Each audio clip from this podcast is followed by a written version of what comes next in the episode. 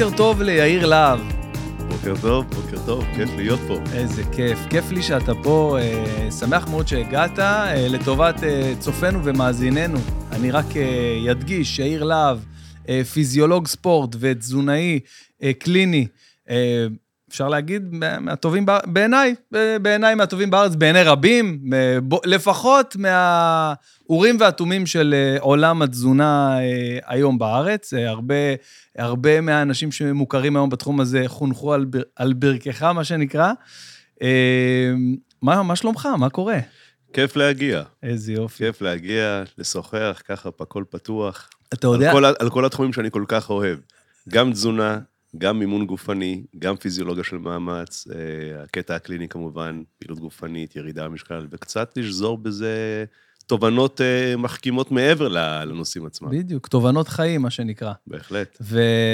וחשוב להגיד, קודם כל, שאני אה, זכיתי לקבל, לקבל טיפול אה, ישיר ואישי ממך אה, מעל חצי שנה, אני עדיין אתה, כביכול... אתה עדיין בתהליך. עדיין בתהליך, והורדתי אה, שמונה קילוגרמים מאוד מאוד חשובים, שהיה קשה לי מאוד אה, להוריד אותם לבד, וניסיתי, ואתה יודע, הגעתי אליך במצב מסוים.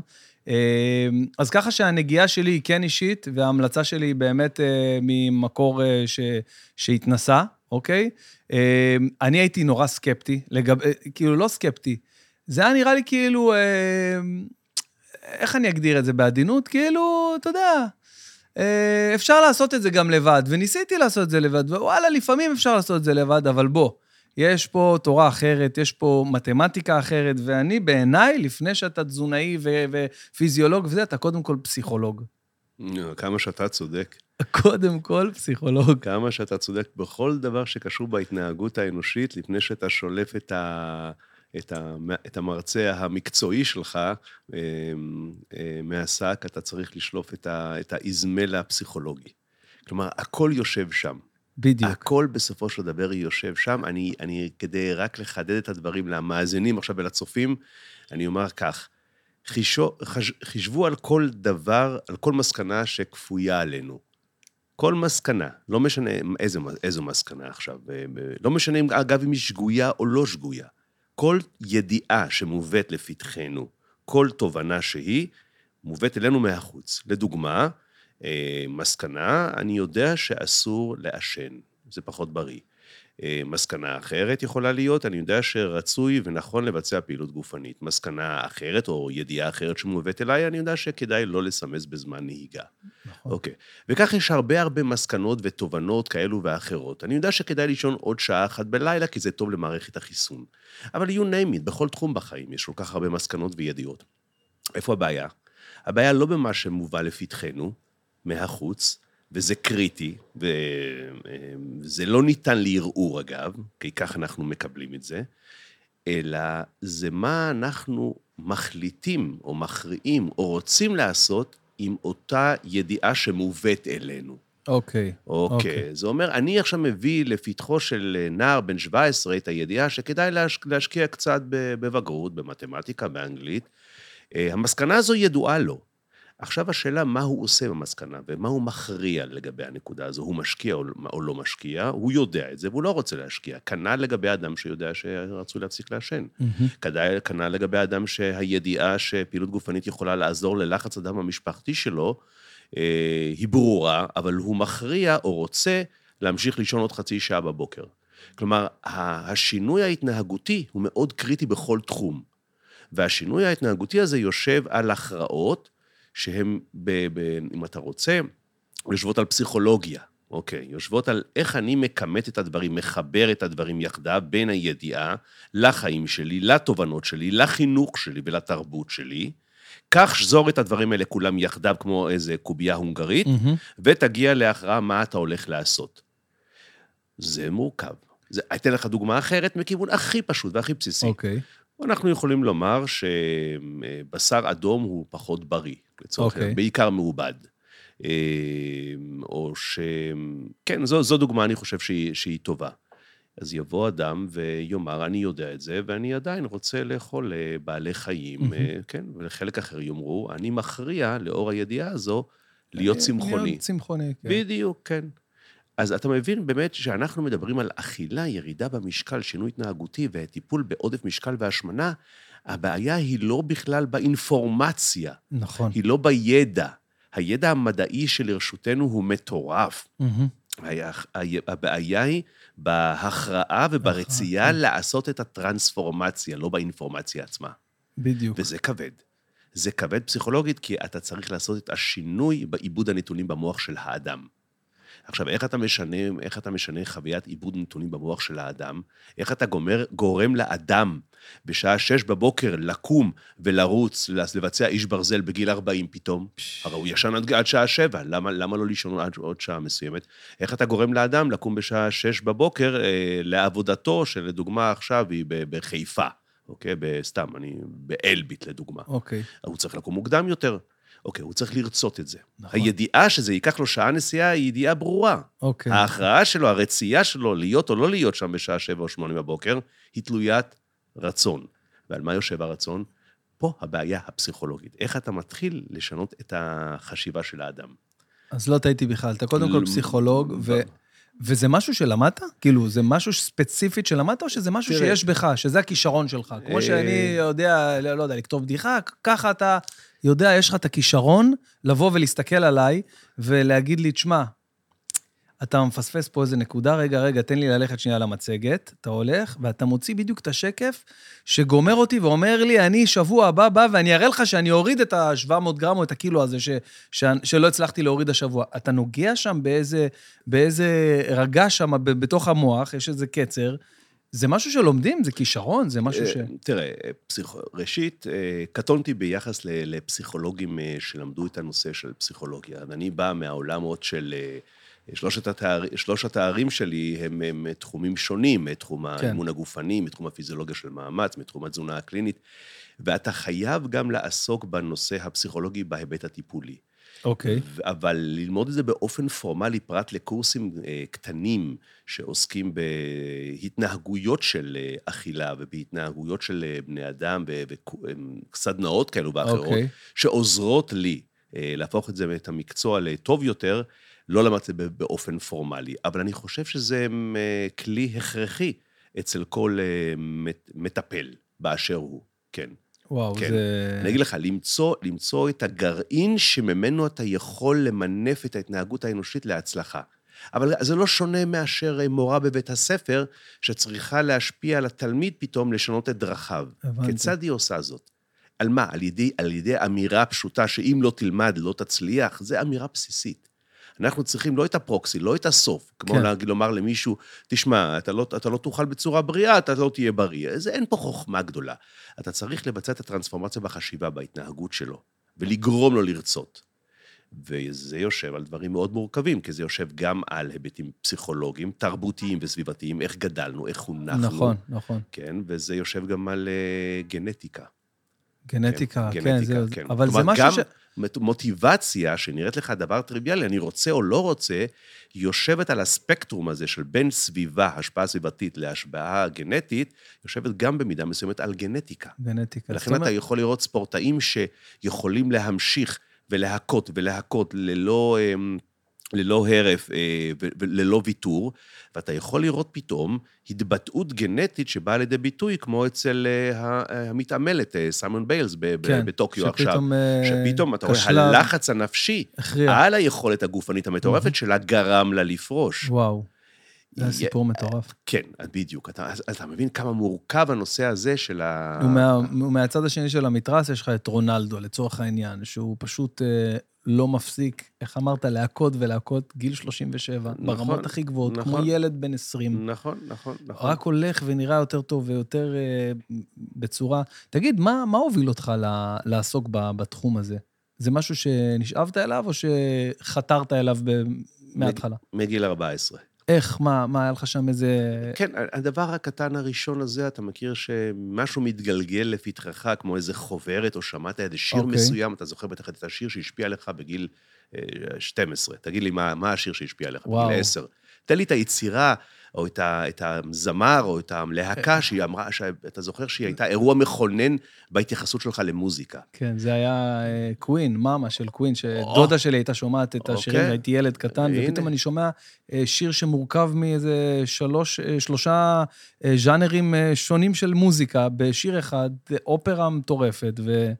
וזה משהו, באמת היה לי רגע, איך, איך הגעת לזה? זה, זה בדיוק... אז אתה אומר... אז זה ממש, ממש ככה, אני חושב שהייתה בזמנו חוברת בשם איתנים. אוקיי. של קופת חולים, אני לא טועה. אוקיי. כן, אני, קופת חולים כללית, אני כמעט משוכנע. ואיכשהו התגלגלה אליי בגיל 14. ותוך כדי שיר, משהו, אתה יודע, התחלתי פתאום לקרוא קצת על גוף האדם, על ויטמינים, מינרלים, חשוב על זה. והתחלתי להתאהב בזה.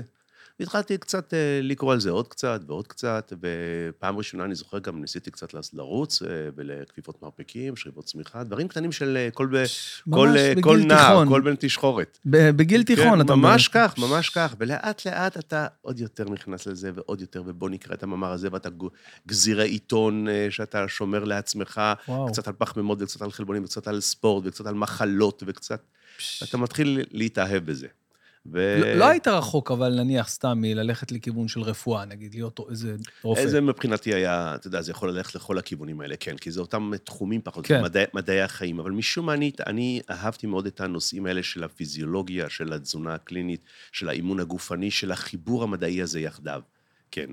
ואתה כן. חושב ש... תראה, אחד הדברים שהיו לי, לי עבורי, הכי קשים ב... בסשנים שלנו, ככה שהיינו אה, נפגשים, זה שאתה הולך על כל הקופה, אתה לא, איך אתה אומר? אתה לא, אתה אומר אפילו למטופל, לפציינט, אתה אומר לו, אתה, אנחנו לא באים לשחק משחקים. אתה, אתה אפילו לא שוקל, אתה אומר, אתה לך תעלה על המשקל, אתה לך לבד, תגיד לי כמה זה שוקל. יכלתי לעלות על המשקל ולהגיד לך, ירדתי מ-80 קילו, והיית רושם, ירד מ-80 קילו, אבל מי אני עובד, על מי אני עובד? אז uh, אתה כאילו בעצם אה, נותן, uh, נותן את, את ההרגשה ל, ל, למי שמגיע אליך למסע הזה. אה, שאנחנו באנו פה לפרויקט, ואין, אין, כאילו, יש הסחות דעת תמיד בחיים, אין מה לעשות. אחותי מתחתנת, והחברים, ויש לי יום הולדת וזה, ופעם אני לא אשכח שאמרת לי את זה, וכאילו, לא האמנתי שאתה אומר לי את זה. אמרתי לך, תשמע, אנחנו יוצאים למסעדה, כמה חברים, אז אתה אומר, נו, אז מה? אז אתה אוכל המבורגר, שותה את זה כוס בירה, וזהו, וממשיך כאילו בחיים. לגמרי. כן, וזה כאילו, אתה יודע, כי מצד אחד אתה אומר, תשמע, יום, יום לפני אמרת לי, אה, חתונה של אחותך, אז מה? זה שהיא מתחתנת זה אומר שאתה צריך עכשיו אה, להעמיס אה, פחמימות ולעלות במשקל, אז מה? שתתחתן. אתה, אתה לגמרי צודק. או איזה נקודה אתה נוגע. תראה, אתה, אתה יודע מה היתרון לך בין כל שאלה שנראית לך עכשיו כל כך טריוויאלית? כן. יש לה עומק כמה רבדים למטה. מגניב, אז בוא. זה, אז, אז בוא, בוא, בוא, בוא, בוא נתחיל במשהו כללי. אוקיי. זוכר את, ה, את המסקנה שכפויה עלינו? כן. כן, כל דבר כפוי כן, עלינו. נכון. כלומר, יש חתונה מחר, mm-hmm. אוקיי? יש בת מצווה לילדה. נכון. יוצאים יום חמישי לבר. על המסקנה אני לא מתווכח, כי זה כפוי עליי. אוקיי, אוקיי נכון. זה לא נכון. תלוי בי. נכון. עכשיו, מה אני עושה בסיטואציה הזו, זו שאלה. נכון. עכשיו, על, על סמך מה אה, אני מתנהג בכל אירוע ביום שישי בערב, שאני הולך למשחק כדורגל או לקולנוע עם הילד, שיש חתונה של חבר או משהו כזה, אני מתנהג על סמך הסיפור שאני מספר לעצמי. Mm. עכשיו, איזה סיפור אני מספר לעצמי? בוא תראה, אני יכול לספר כמה סיפורים. אני יכול לספר סיפור כזה, אני מגיע לחתונה, ואיזה כיף שהח... שהחתן והכלה שמחים ומאושרים, אני ארקוד, אני אשתולל, אני אראה את החברים, אני אראה, כן, כן. מישהו אחר יספר את אותו סיפור ויאמר דבר כזה, ואיך אני הולך לאכול בו עכשיו באירוע הזה? עכשיו, זה סיפור שהוא ממציא לעצמו בעיני, מוחו, בעיני רוחו. הרי אף אחד לא אמר שחובה אוקיי? לאכול בזמן חתונה בצורה כזו ואחרת. נכון. אתה יכול נכון. לאכול כך, ואתה יכול לאכול אחרת. נכון. אתה יכול לשתות כוס יין אחת, ואתה יכול גם לסיים אה, ארבע, חמש כוסות יין. פה מתחיל הסיפור. מה הסיפור שאנחנו מספרים לעצמנו? אז אם אני מספר לעצמי סיפור שכזה, מחר החברה הכי טובה שלי מתחתנת, אני חייבת אה, חמישה צ'ייסרים, אז ברור לך שאני סיפרתי לעצמי סיפור. אז זה אומר, החיבור במוח של חתונה וחמישה צ'ייסרים, או יום שישי ארוחה אצל אימא, וחובה לאכול כך חלה. וכך וכך וכך, זה סיפור שאני מספר לעצמי, כי באותו סיטואציה יושב עכשיו אחי התאום או מישהו אחר זהה לי על פני כדור הארץ ומספר לעצמו סיפור אחר. מספר כך, מחר יום שישי, יהיה נפלא, אני אפגש עם המשפחה, אני אוכל פרוסת עוגה קטנה, אנחנו נשב ונצחק, אני אוכל את הדג וקצת ירקות מעודים. ואני לא אהיה מסכן נכון. או עצוב אם אני לא אוכל את האורז, או אני לא אחסל עכשיו שלוש-ארבע פרוסות חלק עלה, ולא אעשה עם הקינוח הזה והזה והזה. פה, פה אנחנו חוזרים לפסיכולוגיה. נכון, לפסיכולוגיה. מה הסיפור שאנחנו מספרים לעצמנו? זה אומר, יושבים עכשיו ב-LA, אוקיי, או כך מסעדה יוקרתית כלשהי של חמישה, של שלושה כוכבי משלן, אה, יושבים עכשיו אה, שלוש אה, חברות, אחת שרואה את האוכל ואומרת את המשפט הבא, מספרת לעצמה. אם אני לא אכניס את האוכל הזה לפה, אני הפסדתי. חבל, אני אוכל. פעם אחת יושבים. השנייה תאמר, אני אוכל מעט, mm-hmm. אבל אם אני אכניס הרבה מהאוכל הזה לגוף שלי, אני את הגוף שלי הפסדתי. והשלישית אומרת, אני אמצא את הדרך הביניים. כל אחת מוצאת את הדרך הנכונה, וכל אחת מתנהגת בהתאם לסיפור שהיא מספרת לעצמה. ואז מה קורה כאשר אתה מספר לעצמך סיפור שחייבים לאכול כל יום שישי בערב? כל יום שישי בערב, הרי זה כתוב בספר בראשית. ביום שישי צריך לאכול כמה שיותר. אוקיי, okay, מה קורה באמת? קורה שאתה, אם אומרים לך, תפחית קצת, אתה מרגיש תחושה של השתוקקות של סבל. ואם יש סבל, הסיכוי שלנו להילחם אה, ולהצליח הוא שואף כמעט לאפס. אנחנו צריכים להיות בטוחים בעצמנו ורגועים ונינוחים. נינוחים, נכון. נינוחים זה דבר מאוד מאוד פשוט. עכשיו, מה פירושו של דבר נינוח? נינוח? אני אומר לך, תקשיב, אתה לא נוסע בשישי-שבת, מה אתה אומר לי? ודאי, אני שומר שבת. זה, אני מאוד נינוח. אני אפילו נכון. מחייך, אני לא, אני לא מפסיד כלום. אתה מפסיד שאתה נוסע בשבת, אני לא מפסיד כלום. איזה דוגמה אוקיי? מצוינת. זה, זה, זה דוגמה מצוינת. כן. מישהו אחר, שהוא לא מאמין בזה, אומר לעצמו, אוי, אני סובל, מה זה אמרו לי לא לנסוע? אני רוצה לנסוע, אבל אני לא מאמין שלא צריך, שצריך לשבת כך בבית ולא לצאת עם חברים. אז הסיפור שהוא מספר לעצמו גורם לו לסבול. אתה okay. אוקיי. חושב שמי שיש לו יותר חברים, הרבה יותר קשה לו אה, לשמור על תזונה נכונה ובריאה בגלל הלחץ החברתי? לא יודע לתת לך תשובה. אני אגיד לך למה. כי אני, יש לי מלא חברים, אוקיי?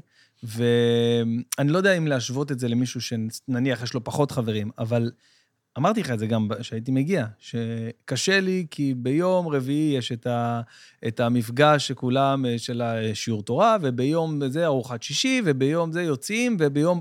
אתה יודע, מצאתי את עצמי מגיע למסכן הזה כמה וכמה וכמה פעמים. עכשיו, נניח אם לא היו לי חברים, את המעגל הזה של החברים, אז הייתי מסכן רק פעם אחת בשבוע.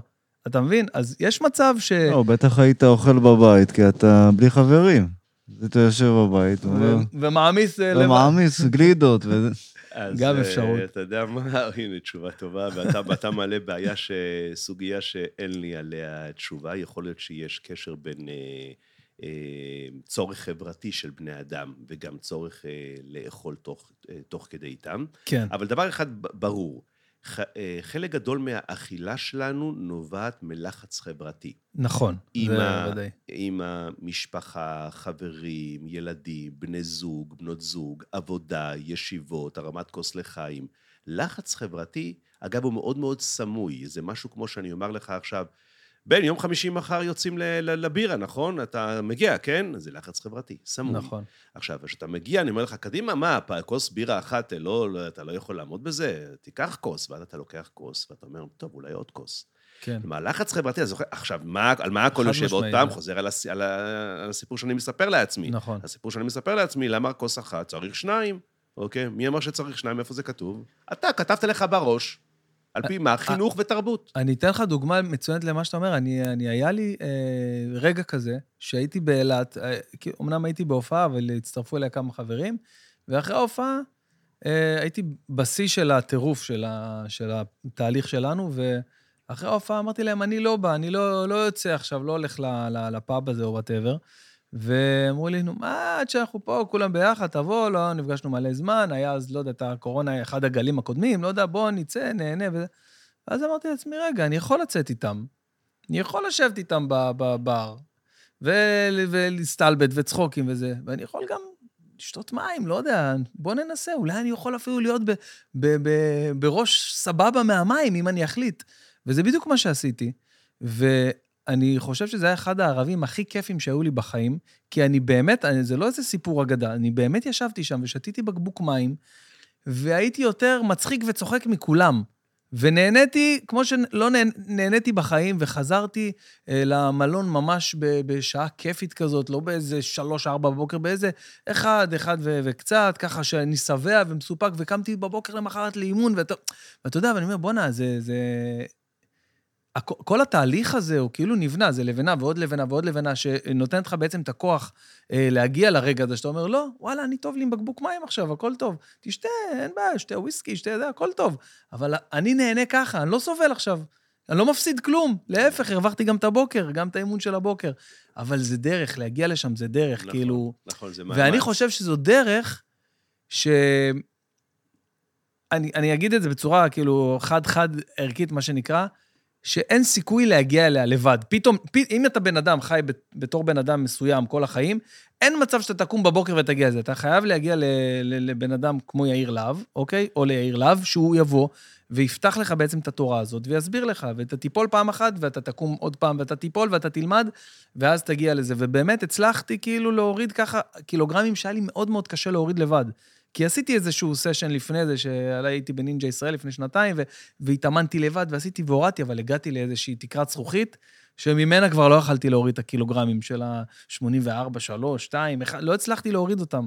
אתה כל, אתה כל כך צודק, אבל אני, אני אלך צעד אחד אחורה. אתה זו- אמרתי לך שאתה מעלה, אתה מעלה כל, דבר, כל נקודה, זורקת אותי כמה רבדים למטה. תן לי תחום בחיים שבו אני מייתר את איש המקצוע ועושה את הדברים לבד.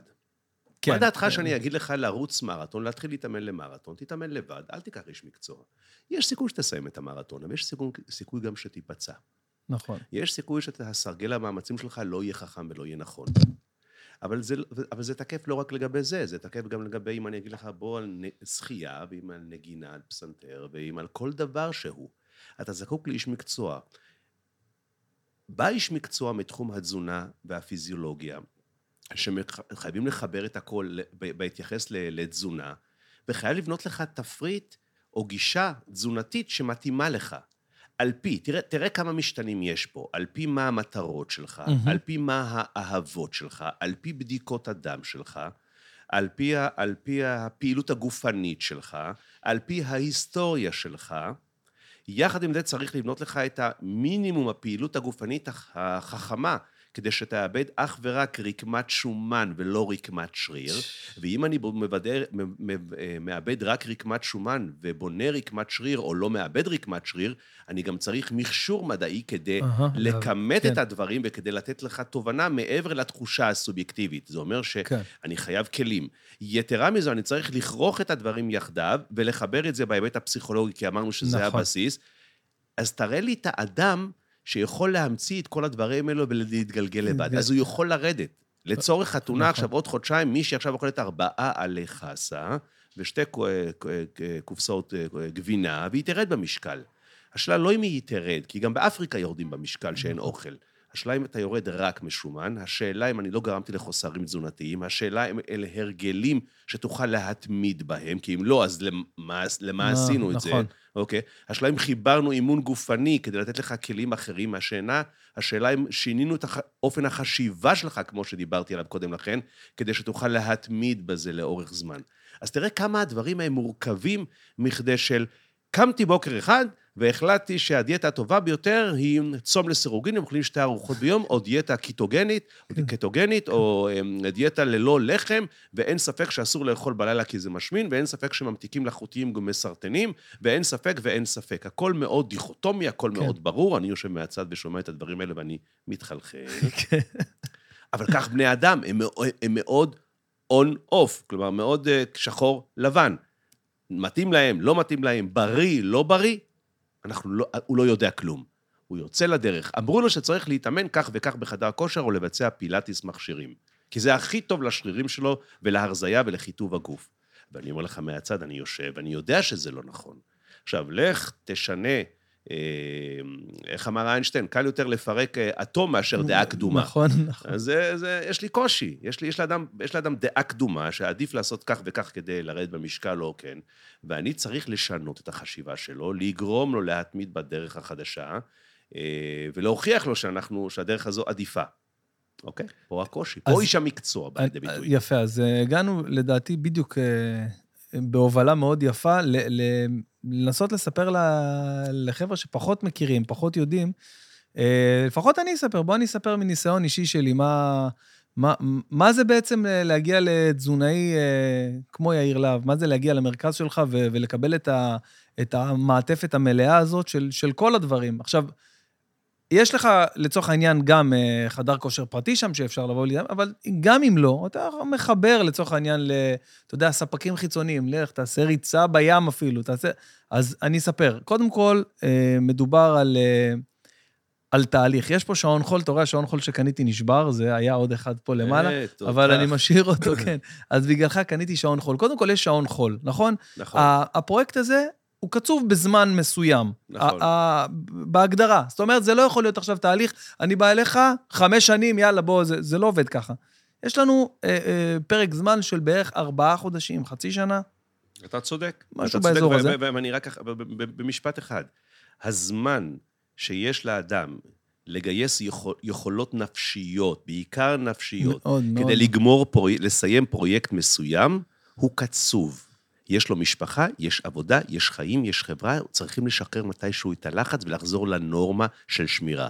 זה אומר, תהליך הטיפוס הזה לאברסט, או למשקל שאתה מעוניין להגיע, 7, 8, 10, 12, 20 קילוגרם פחות, צריך להסתיים ב-X חודשים. אוקיי. זה לא יכול להיגרר עד 2023. נכון, יפה. זה, אז קודם כל, זה הדבר הראשון שצריך להבין, נכון. לפני שאתה מגיע.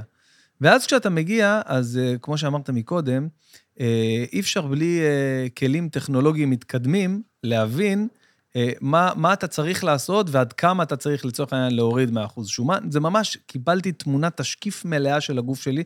אתה נכנס למכונה, קודם כל אתה עושה אה, אה, בדיקת... אה, אז עכשיו, עד עכשיו אנחנו צריכים לחלק את זה ל- ל- לכמה חלקים. החלק הראשון זה איך אני מתאים לך תפריט? למה לך? לכל אדם על פני כדור הארץ, איך אני מתאים תפריט? יש אצלנו מספורטאים שהיו באולימפיאדה בטוקיו, נכון, כן. אוקיי, ספורטאים אולימפיים, בטח ב, לא, שהיו בלונדון, ב, ב, אוקיי, ב, אה, בריו, מהמם. ויש לנו אנשים מבוגרים עם עודף משקל והשמנה בין שנות ה-70, שנות ה-80 לחייהם, לחץ דם, סוכרת ובעיות. איך אני מתאים את התפריט? ראש וראשית, אני צריך לדעת, באמצעות מערכת מטבולית שבודקת את האדם, כמה קלוריות אדם שורף במנוחה. הרי אם אתה שורף 2,000 קלוריות במנוחה, ואני בודק את זה באמצעות מכשיר, נכון. במערכת מטבולית, ואני אתן לך 1,300 קלוריות לאכול כל יום, אתה תגווע מרעב. נכון. ואני יודע שאני אפיל אותך מראש. אז אני בודק את חילוף החומרים, ואז אני יודע כמה קלוריות להפחית. עכשיו, בוא נחשוב שיש לך אישה שחילוף החומרים שלה הוא 1,400 קלוריות. אם אני אתן לה 1,300, היא לא תרד במשקל. כן. אז אני חייב לבדוק את חילוף החומרים שלה כדי לייצר לאחר מכן תפריט שמתאים ביחס לחילוף החומרים. אז הנה סיבה למה בדיקת חילוף חומרים הופכת את החיים שלי פשוטים. יתרה מזו, אני בא ואומר לאדם בצורה מאוד מתמטית ומאוד פשוטה, אתה צריך לחיות על אלף שקל. אם אתה תאכל כל יום אלף שקל, אוקיי? אתה לא תראה, אתה צריך לאכול פחות, להגיע ל-900 אה, שקלים, נכון. לדוגמה, כדי שיהיה לך גירעון כן. בקלורי. אז זה, זה, זה, זה עושה שכל, שכל לרוב האנשים. אהה, עכשיו, זו תובנה שכפויה עלינו, כמו שאמרנו, אתה לא יכול להתווכח עם נתון כזה. יפה. זה אחד. והדבר השני, שכמו שאמרת, זה בדיקה שסורקת את הרכב, את כמות השומן והשרירים. עכשיו, נשאלת שאלה כזו, אתה בא ואומר, אני רוצה להוריד שישה קילוגרם, על סמך מה אמרת את זה? על... על סמך תחושת בטן, נראה לי, למה אני הייתי שם בגיל 20. בדיוק. אני זוכר שכשהייתי אז בגיל 25, נכון. ב- במשקל של אה, נגיד אה, 73 קילוגרם, אז נכון. הייתי נראה ככה, אבל זה לא נכון בהכרח. נכון, זה לא נכון, יכול להיות, נכון, יכול להיות שהשרירים שלך עלו מאז, יכול להיות שפירקת שרירים. אה, מגיעה מישהי ואומרת, אני שמנה. אוקיי, איזה השמנה? או מגיע מישהו ואומר, אני שמן. אה, או בעודף משקל, אני מעוניין להפחית ממשקלי. איזה סוג השמנה זו? השמנה אסתטית או בריאותית? אז אנחנו, האדם שוכב על מכשיר שקרוי דקסה, Dual X-ray Absorptiometry. המכשיר הזה, שוכבים עליו, והוא סורק את הגוף, אה, ומוצא את כמות השומן וכמות המסה הרזה, כולל השריר, בר ברגליים, בירכיים, אה, בבטן, בחזה, בזרועות, בכל מקום ומקום, ומשקלל את כל הנתונים. על פי זה אנחנו יודעים כמה שומן יש לאדם, וכמה, לצורך השיחה עכשיו, אני אומר את זה בפשטות, כמה שרירים יש לאדם. זה לא רק שרירים, זה שרירים ברקמות אחרות, אוקיי? אוקיי. ואז, אם אדם יורד במשקל, תראה כמה אופציות יש לנו. חבל אם זה. אדם יורד במשקל עכשיו, ארבעה קילוגרם, אני שואל אותך שאלה. מהיכן הוא ירד? אני לא יכול לדעת. יפה, אחד, אתה לא יכול לדעת. שתיים, מה... אני אשאל אותך שאלה אחרת, אבל מכאן אני גם מרים לשאלה לכ- לכולם עכשיו. מה הרקמה הבעייתית, הרקמה ההרסנית, הרקמה שמפריש, גורמת למחלות לא אסתטית? איזו רקמה? ויסריאלית. השומן, השומן. שומן, השומן עצמו, כאילו... השומן עצמו, ובעיקר השומן הביסרלי, כן. נכון, שמצוי באיברים הפנימיים. ירד אדם ארבעה קילוגרם או עשרה קילוגרם. איך אני יכול לערוב לכפך שהוא ירד אך ורק שומן. שומן? אין לי אפשרות. יש לי אפשרות לתת לו תזונה נכונה, אם הוא נכון, אבל באמצעות המכשיר הזה, הדקסה, אני יכול לומר, לתת לו תשובה איכותית על איכות, סוג הירידה שלו. האם הוא ירד רק עשרה קילוגרם משומן, או אולי שישה קילוגרם משומן וארבעה קילוגרם מהשריר. אז למעשה, אם הוא ירד ארבעה קילוגרם מהשריר, הוא לא ירד ירידה איכותית. Mm, אוקיי. מה יקרה אם האדם הזה עכשיו מתאמן וסבור שהוא עלה שני קילוגרם שריר תוך כדי הירידה במשקל? איך אני יכול לתת לו משוב שהוא אכן עלה שני קילוגרם במסה רזה בשרירים? אני, אין לי אפשרות אחרת, רק באמצעות ה... דקסה. הדקסה. זה אומר, הכלי שהוא הפוליגרף, הוא בית המשפט אשכרה, העליון, בדיוק. הוא ייכנס לפ- למה שהדקסה יגיד. עכשיו מישהו יבוא ויגיד לי, יאיר, תשמע, ירדתי שלושה קילוגרם שומן, אני מבטיח לך. אני אומר לו, איך אתה יודע? הוא אומר, אני מרגיש. אם אני הייתי חי על פי תח- התחושות של בני האדם בכל תחום, לא היינו, לא היינו יושבים פה היום, כן. בדיוק. תחושות לא, מזה- לא, זה נחמד, זה יפה, ההרגשה היא יפה, אבל היא סובייקטיבית, היא לא אומרת כלום. אתה מכניס אותה ואתה נותן לו משוב. אז קביעת מטרות היעד של ספורטאי, לדוגמה, ספורטאי צריך להיות, כדורגלן במכבי תל אביב בבוגרים, צריך להיות לדוגמה כעשרה אחוזי שומן. אבל אם הוא 12, אז אני יודע שיש לו 2 אחוזי שומן, שומן להוריד. אני יודע עכשיו שהגבר, מעל 22-24 אחוזי שומן, הוא בעודף משקל או השמנה. אז אני קובע לו מטרת יעד על פי כמות השומן. יכול להיות שלמישהו אחר יש אחוז שומן נכון ובריא, אבל מסת השרירים שלו היא נמוכה, Mm, היא לא בריאה. תופעה שאנחנו יודעים שקרויה סרקופניה, עיבוד רקמת שריר, נכון, זה- עיבוד רקמת שריר שמתחיל משנות ה-40-50, ואתה רואה אנשים פתאום בגיל 60-70, ואתה אומר, הגוף שלו נפול, כלומר, כמות השומן היא גדולה, כמות השריר היא נמוכה, ואיך אני יכול לכמת זאת? לכמת זאת באמצעות הדקסה. אז במילים אחרות, הכלי הזה הוא כלי שרת. Once יש לך את חילוף החומרים שבדקנו, ואת הדקסה, ואת כמות השומן, ואת כמות השרירים, אתה יכול עכשיו לבנות לאדם את התפריט הנכון, על פי אורח חייו, רצונותיו, בדיקות הדם שלו, ואת תוכנית האימונים הנכונה, ולכוון אותו ולומר לו מה הכי יעיל עבורו ומה נכון, וגם לבקר אותו כל שבועיים, שלושה או חודשיים, כדי לתת לו משוב על איכות הירידה וסוג הירידה. אז הנה, קיבלת מדע. ממש קיבלת מדע. מדע. אז יש לנו מדע, ואז יש לנו תזונה, ואז יש לנו אימון גופני כולל איך להתאמן, נכון? ובסוף. מעל כל זה, ומעל יש... כל זה יש את הפסיכולוגיה, פסיכולוגיה. כן. כי למה? כי אתה בסופו של דבר יושב מול האדם, ואתה אומר לו את כל הנתונים, הוא אומר, אוקיי, קיבלתי, עכשיו אתה צריך לגרום לו להפעיל אותו לשינוי. וזה העולם המרכזי, כן? זה, זה החלק ה... זה החלק המורכב בטיפול. המורכב בטיפול. אין ספק. אחרת בני אדם היו אה, רזים אה, לנצח. כן, מרזים ופותרים את הבעיה. מה היית אם לא היית תזונאי קליני? יאיר להב. איזה שאלה, איזה מעניין. אותי, אני מסתכל, אני יושב אה, אצלך במשרד, ואני, זה כל מה שעובר לי בראש. מעניין מה הוא היה, לאיזה פס... אתה היית נראה לי טייס? היה אה, אגב, אפרופו, אני תמיד סבור שהמטופלים הם הטייסים, ואני טייס המשנה. אה, אוקיי. אני טייס המשנה שרק אומר לו, הבט, מימינך מגיח ב- מגיחה בעיה. כן. מצד שמאל למעלה, תביט, הולך להיות אירוע חברתי שאתה בו עלול ליפול. אני צריך לכמת לו את כל הנתונים, והוא מחליט להיכן למשוך את המצערת ומה לעשות עם עצמו. אז אני טייס המשנה, אני אומר לו, אתה המוביל, אתה מחליט עכשיו אם לירות או לא, אני רק נותן לך את הנתונים. אוקיי. אה, לא יודע, לא יודע לומר לך. אני יכול להגיד לך הרבה דברים מעניינים אותי. ראשית, אה, פילוסופיה של המדע, פילוסופיה בכלל. הייתי חושב אם, אם היה אפשר לשבת ולדון ב... ב- כמו, כמו בשופט אולי, ש, שצריך לשקלל אה, ערכים מסוימים חברתיים בתחום המוסר, בתחום החברה, ולשקלל אה, כל מיני נתונים, זה היה אתגר אינטלקטואלי. אוקיי, זה, זה דבר שהוא בעיניי אה, מדהים. אני חושב שזה אחד מהדברים היותר מעניינים. חוק, חוקר פרופר, חוקר של מדע, אתה יודע, חוקר יותר מדע. אפילו ממה שאני עושה היום. אני אומנם חוקר אה, היום ב, אה, כחלק מהדוקטורט שלי בפקולטה לרפואה בתל אביב, אבל אה, רק לעסוק במחקר פר סה, זה, זה, זה מעניין ומרתק, כי זה כל הזמן התגוששות אינטלקטואלית בינך לבין נכון. גוף האדם, הביולוגיה וואו. והממצאים. אה, אלה דברים, אה, אלה תחומים, אתה רואה שהם מתפרסים לכיוון, לכיוונים שונים. לגמרי. ו- אה, ותחום, אה, לצורך העניין, ההרצאות, מרצה אתה מרצה כבר, מן הסתם. כן, אני מלמד. אני מלמד ב, ב, בפקולטה ברחובות באוניברסיטה העברית. אה, הייתי ראש, יש לנו קורס שם של תזונה במאמץ, שכבר שנה שישית. אני מלמד אותו ומרכז אותו. במשך שנים הייתי ראש התחום אה, של הכשרת מדריכי חדרי כושר במכון וינגייט, כמשך 15 שנה פחות או יותר.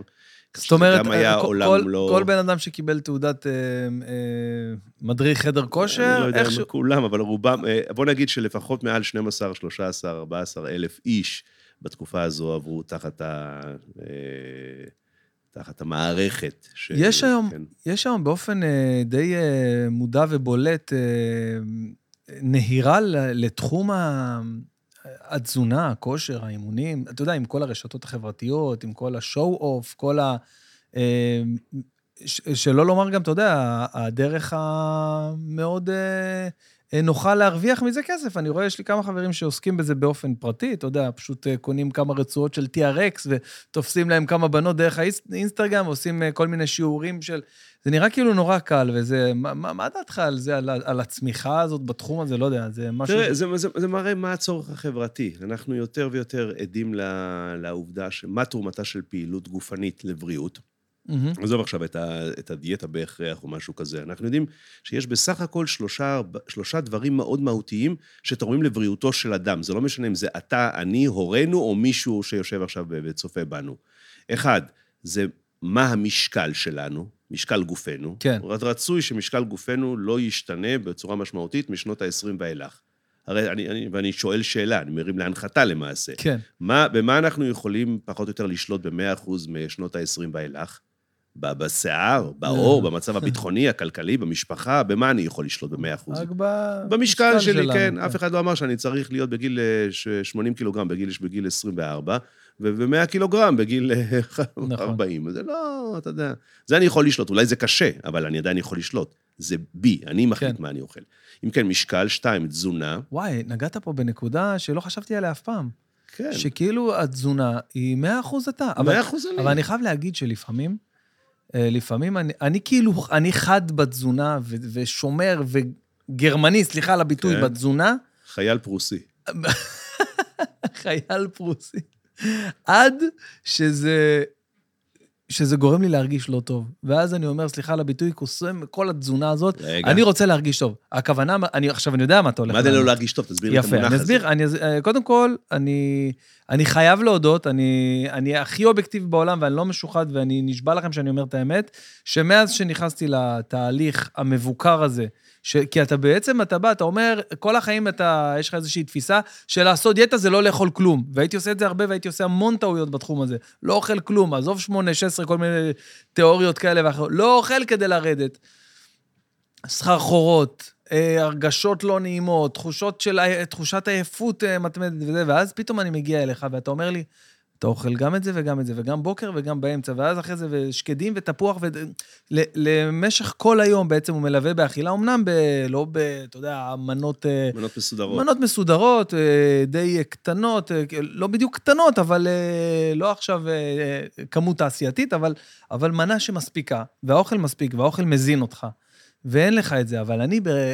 אולי לפני זה, כשהייתי מרגיש לא, לא טוב, הייתי אומר, עזוב אותי עכשיו, תן לי, אני אוכל עכשיו, אה, לא, השניצל שיש פה, אני אוכל אותו עכשיו.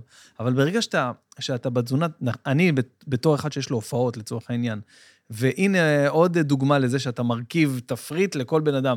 חבר שלי אמר לי, אחד, עשרים אמרו לי, רגע, הלכת לעיר להב, באת וזה, זה, בוא תן לי את התפריט, מה הבעיה? למה שאני גם... תן לי את התפריט. אמרתי לו, רגע, אני זה אתה? הסדר יום שלך זה הסדר יום שלי? אני, יש לי תפריט שמותאם ליום שיש לי הופעות בלילה. יש לי uh, תפריט שמותאם למשקל, לדקס, על ההרכב uh, גוף שלי. מה זה קשור? אז כאילו, אני כאילו ב, ב, בתקופה הזאת של, ה, של התהליך, תמיד אמרת לי, תשמע, אתה צריך לדעת ו, ו, ולתכנן מראש, כמו שאמרנו, את הטייס משנה. לתכנן מראש. אתה יודע שיש לך הופעה בערב, אז אתה מתחיל את האכילה, קצת מושך אותה לפה, לשעת הצהריים. ו... ותשמע, יש בזה אה, כיף מאוד מאוד גדול שאתה על ה one, שאתה על זה כל הזמן, אבל כמו שאמרנו מקודם עם השעון חול, אי אפשר להחזיק את זה forever. זה, זה פרק זמן של ההמראה. נכון, אתה, נכון, נכון, אבל אתה זוכר את המשפט במקביל שאי אפשר להחזיק את זה פה, ואת התהליך הקשה, את ההרגל אתה יכול לשוט ועל, על, על cruise control. נכון, להיכנס. נכון, נכון. זה אומר, כמו שאני אומר לך, תקשיב, באופן קבוע, אתה עכשיו כל יום, אה, אתה- צמחוני לנצח. אתה אומר לי, אין לי בעיה, כי אני מאמין בזה, כך צריך נכון, להיות. אני אומר כן. למישהו, אתה טבעוני לנצח. הוא אומר לי, בוודאי, אין בעיה, אני מאמין בזה. once אתה מאמין, הגישה שלך השתנתה. אני אומר לך, כל בוקר מוציאים את הכלב החוצה 30 דקות, בין 6 ל-6 ל-30. קיץ, חורף, גשם, אתה אומר, יאיר, מה הבעיה? ודאי. הוא חייב לצאת הכלב, אני חייב להוציא אותו גם. Once אתה מאמין, ואני, ויש לך, אנחנו מבצעים איזושהי, אתה מבצע בתוכך, ואני מוביל אותך לאיזושהי שטיפת מוח, אינדוקרינציה כזו, שבה אתה אומר, אני בזמן אוכל, ואני בצהריים אוכל קבוע את, הס, את הסלט ירקות שלי עם אמנת הדג, או הבשר, או העוף, או הטופו, או העדשים, או קטניות. יש סדר בדברים, ואתה מצליח לא, לשזור את זה באורח החיים שלך בלי מאמץ, בלי מאמץ, כהרגל חיים. כהרגל חיים. עד שזה הופך לטבע שני, once זה הפך לטבע שני, הסיכוי שלך לחזור ולעלות במשקל או לעשות נזקים הוא אפסי כמעט. נכון. אז אמרנו, יש את המשקל שאני יכול לשלוט בו, אוקיי? כי זה לא תלוי בשום דבר אחר, זה לא נכון. תלוי... כן, זה... נכון. אני מחליט. אולי האור ייראה פחות יפה בגיל 40, 50 או 60, אבל המשקל יכול להיות אותו משקל. נכון. אוקיי, קשה זה לא רלוונטי עכשיו, אפשרי. אפשרי. יש דברים כן. שהם לא אפשריים. להשתלט על דברים אחרים זה בלתי אפשרי. אתה לא נכון. יכול להיות עם אור של בגיל 20, גיל 40 או גיל נכון. 60, זה משהו אחר. אוקיי, מה אני אוכל? אני יכול לבחור. עכשיו תאמר לי, יש לי שפע. אני אומר לך, נכון, והשפע זה גורם לבעיות. התרבות נכון. המערבית הזו, משנות ה-70 עד היום, 40 שנה שעברו על פני כדור הארץ, זה בשנות ה- 40 שנה. משנות ה-80, מטורפות. מה אתה רואה? רק עלייה בשכיחות ההשמנה. נכון. ממה?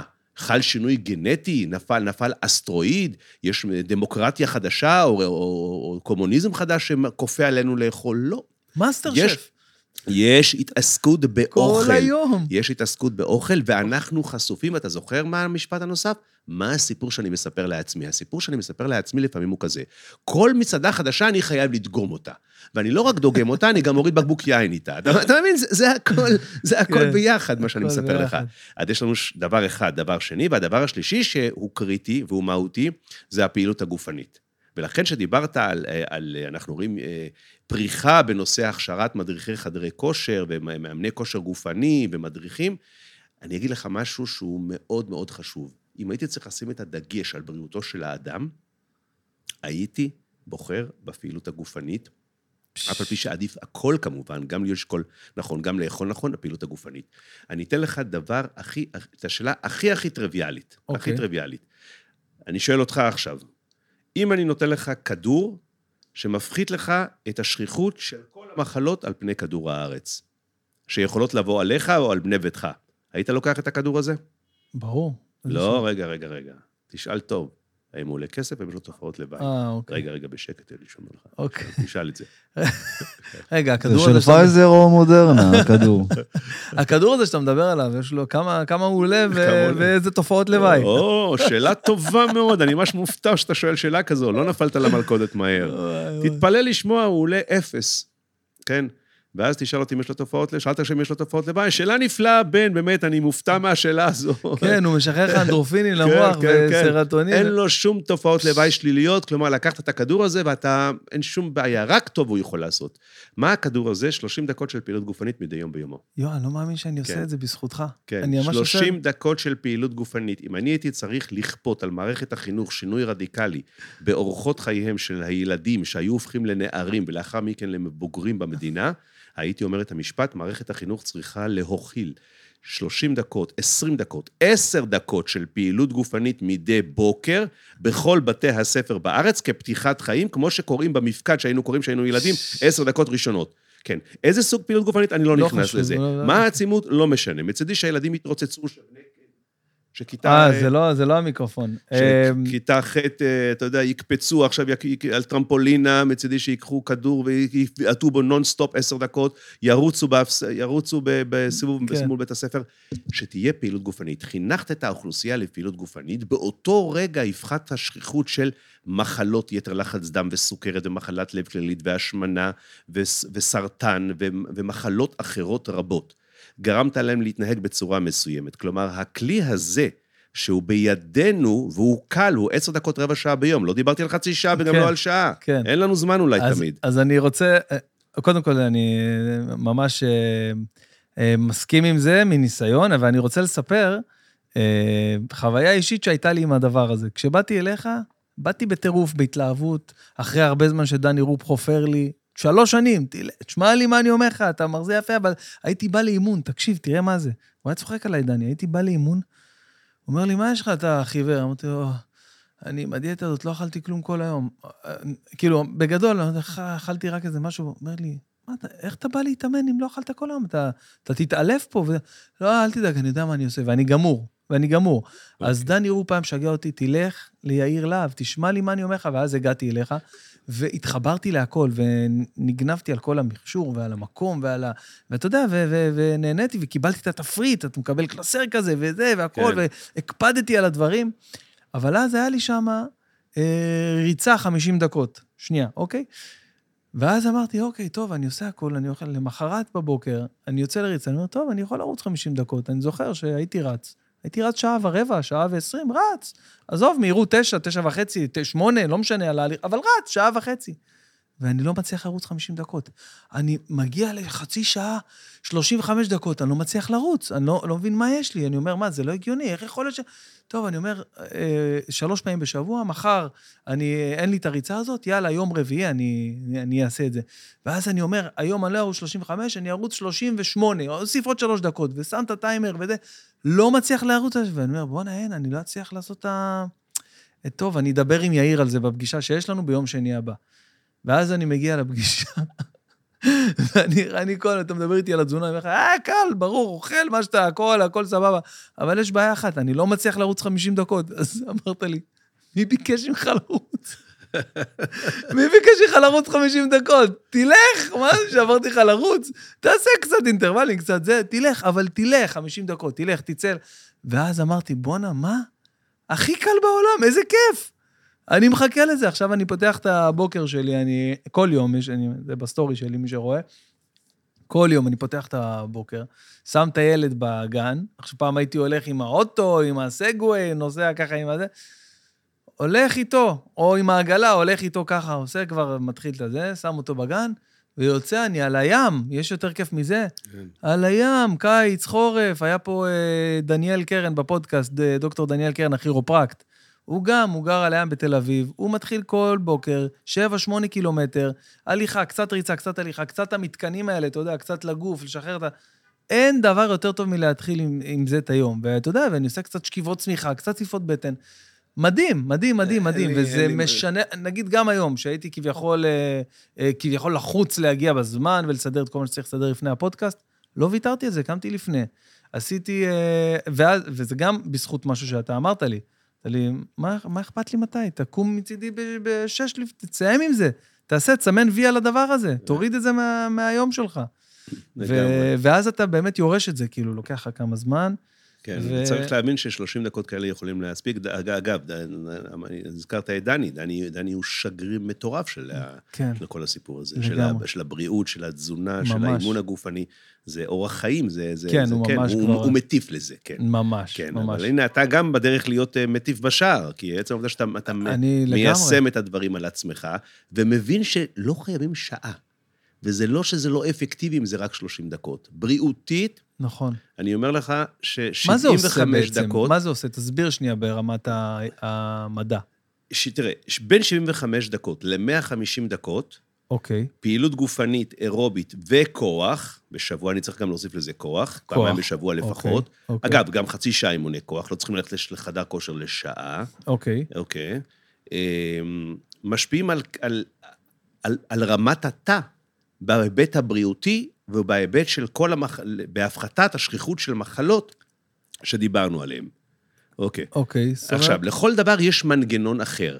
ברגע שרקמת השריר היא רקמה חזקה יותר, גדולה יותר ומתפקדת, היא גורמת לירידה ברמת גלוקוז. ירידה ברמת הגלוקוז בדם, פחות סוכרת. אהה, אוקיי, נכון. זה אחד. יר... פ- שריר פעיל הוא פחות דלקתי. נכון. ברגע זה- שהוא פחות דלקתי, בתוך השריר עצמו יש תהליכים דלקתיים, זה לא חייב לכאוב, כן, זה תהליכים של תהליכי דלקת בתוך, על, ה, על פני הממברנה של, ה, אה, של התא זה שריר. בעצם במעטפת, אז זה אמור כן, להיות במעטפת. נכון, נכון. ואז כל התהליכים שבהם הוא מתפרק בצורה נאותה ונבנה בצורה נאותה, הם איכותיים, הם בריאים. הם נעשים בצ... בהליך בריא מסוים. ברגע שאדם לא פעיל גופנית, כל הדברים האלה מתחילים להידרדר. ואז אתה רואה את העלייה בלחץ דם, ואז אתה רואה את העלייה. אה, בסוכרת, ואז אתה רואה תהליכים שהם יותר אה, גורמים. לסרטן ולהשמנה, לעלייה במשקל, וקשת רחבה של מחלות. אתה, אתה יודע מה, מתי המונח הזה הוטבע? נדמה לי הוטבע באלפיים... בתחילת שנות האלפיים איפשהו, מהמם. עדיף להיות עם עודף משקל בכושר גופני גבוה, או בכושר גופני, מאשר רזה במשקל תקין, אבל יושבני ללא פעילות גופנית. אוקיי. ואז חל המפץ הגדול בהבנה מה תרומתה של פעילות הגופנית להפחתת מחלות, גם אם אתה בעודף משקל, זה לא עכשיו, לא, לא, לא משנה. לכן, זה מבחינתי הוא, הוא עוגן, אה, הפעילות הגופנית. אתה מכיר את ענף הסומו? אוקיי? איך אתה כן. יכול להסביר בעצם את הגוף האנושי של אותם אה, לוחמי סומו, שהם אה, אתלטים וספורטאים אה, בעצימויות שאתה לא מבין? כאילו, כאילו, זה משהו, ראיתי כמה תוכניות, הייתי עוקב על אחרי זה, היה. פעם בערוץ 5, לפני הרבה שנים. אה, זה יושב על כמה, על כמה דברים. אה, טוב, אתה, אתה שואל פה שאלה מורכבת, כי אני... אני כעיקרון, י- יש להם, הם אוכלים כמויות מטורפות, תראה. הם בפעילות כושר מטורפת, יומיומית. יש להם, יש להם דבר אחד שהוא הוא, הוא ברור, יש להם כוח שרירי מטורף. אוקיי, מה הם. הם לא שונים באופן מהותי, אני אומר מהותי, אוקיי? כמרימי משקולות אולימפיים, או מהוטפי כדור ברזל או מטילי כידון, שגם הם אנשים מאוד כבדים, אהה, עם כמות שומן לא מבוטלת, זה לא אנשים אה, חטובים, זה לא כדורגלן או משהו כזה. אה, המטרה שלהם, בסופו של דבר, לייצר כוח מתפרץ כן, כמה שיותר מהר, באלפית שנייה, כדי לזרוק את היריב שלהם. זה לא שונה מאשר עכשיו אני אקח כדור ברזל ואני אהדוף באולימפיאדה, בשתי שניות הוא צריך להיות כמה שיותר רחוק ממני, אוקיי? הודות כן. למשקל שלי ולטנא שאני מייצר וכולי כן. וכולי. עכשיו תראה, היכולת הגופנית קיימת. הנזקים הבריאותיים של עודף השומן הזה על הלב ועל המערכות המטבוליות, על הלבלב ועל הכליה וכולי, וכל המערכות האחרות, הן ברורות. מה תוחלת החיים שלהם? האם הם יהיו בריאים כאשר הם יפסיקו את כל ההליך הספורטיבי הזה? אתה יודע, אה, אנחנו לא רואים פה, שאלה, זה כן. לא... אני לא בדקתי אותם ספציפית, אני מניח שיש עליהם מחקרים שבדקו תוחלת חיים ובריאות כן. של אה, מתאבקי סומו, ברגע שהם פרשו ועברו לחיים רגילים, נגיד מהמם. משנות ה-30 או 40 או לא יודע מה, עד כן. אה, סוף חייהם. כן. אני מניח שאנחנו, אני מניח שאנחנו לא נראה יתרונות בריאותיים, אלא רק חסרונות. אבל זה שבגיל 20, 24, הוא, הוא 30, הוא יוקוזונה והוא כן. הוא מטורף ביכולת הגופנית, זה בסדר, אבל מה קורה שם במערכות האחרות, אני מניח שזה לא דבר שמוסיף לבריאותם. מי המטופל הכי אה, כב- כבד משקל שהיה אצלך אי פעם? אה, היה פעם אחת מישהו של כמעט 200 קילוגרם, וואו. שבשבוע הראשון ירד 7 קילוגרם. אגב, הירידה היא אף פעם לא, מה- היא אף פעם לא שומן. אנשים, אנשים סבורים ש... כן, ג'ו. אתה יודע, אתה יודע, אם יש אחד, אם יש משהו שהוא הוא משגע את אנשי המקצוע, אני אומר את זה במרכאות, הוא לא משגע אותנו, אבל הוא ככה, אתה יודע, כל הזמן מציק לנו, זה שכל אדם, הייתי צריך לרדת קילו, הייתי צריך לרדת קילו השבוע הזה. למה לא כן, ירדתי אמרת קילו? לי את זה גם, כן. אמרת לי. עכשיו, אני לא מצליח להבין באיזה איזה חוק, או באיזה משנה, או תלמוד, או איזה פרק כתוב, קילו אחד עגול, 900 גרם לא טוב, קילו 100 לא טוב, קילו זה מה שצריך לרדת. כן. עכשיו, כשמבינים איך בנוי קילו שומן, מבינים שזה בלתי אפשרי, בלתי המשפט אפשרי, הזה. זה כאילו, ממש. קח אדם היום, עוד עשרה שבועות או עשרה קילוגרם פחות.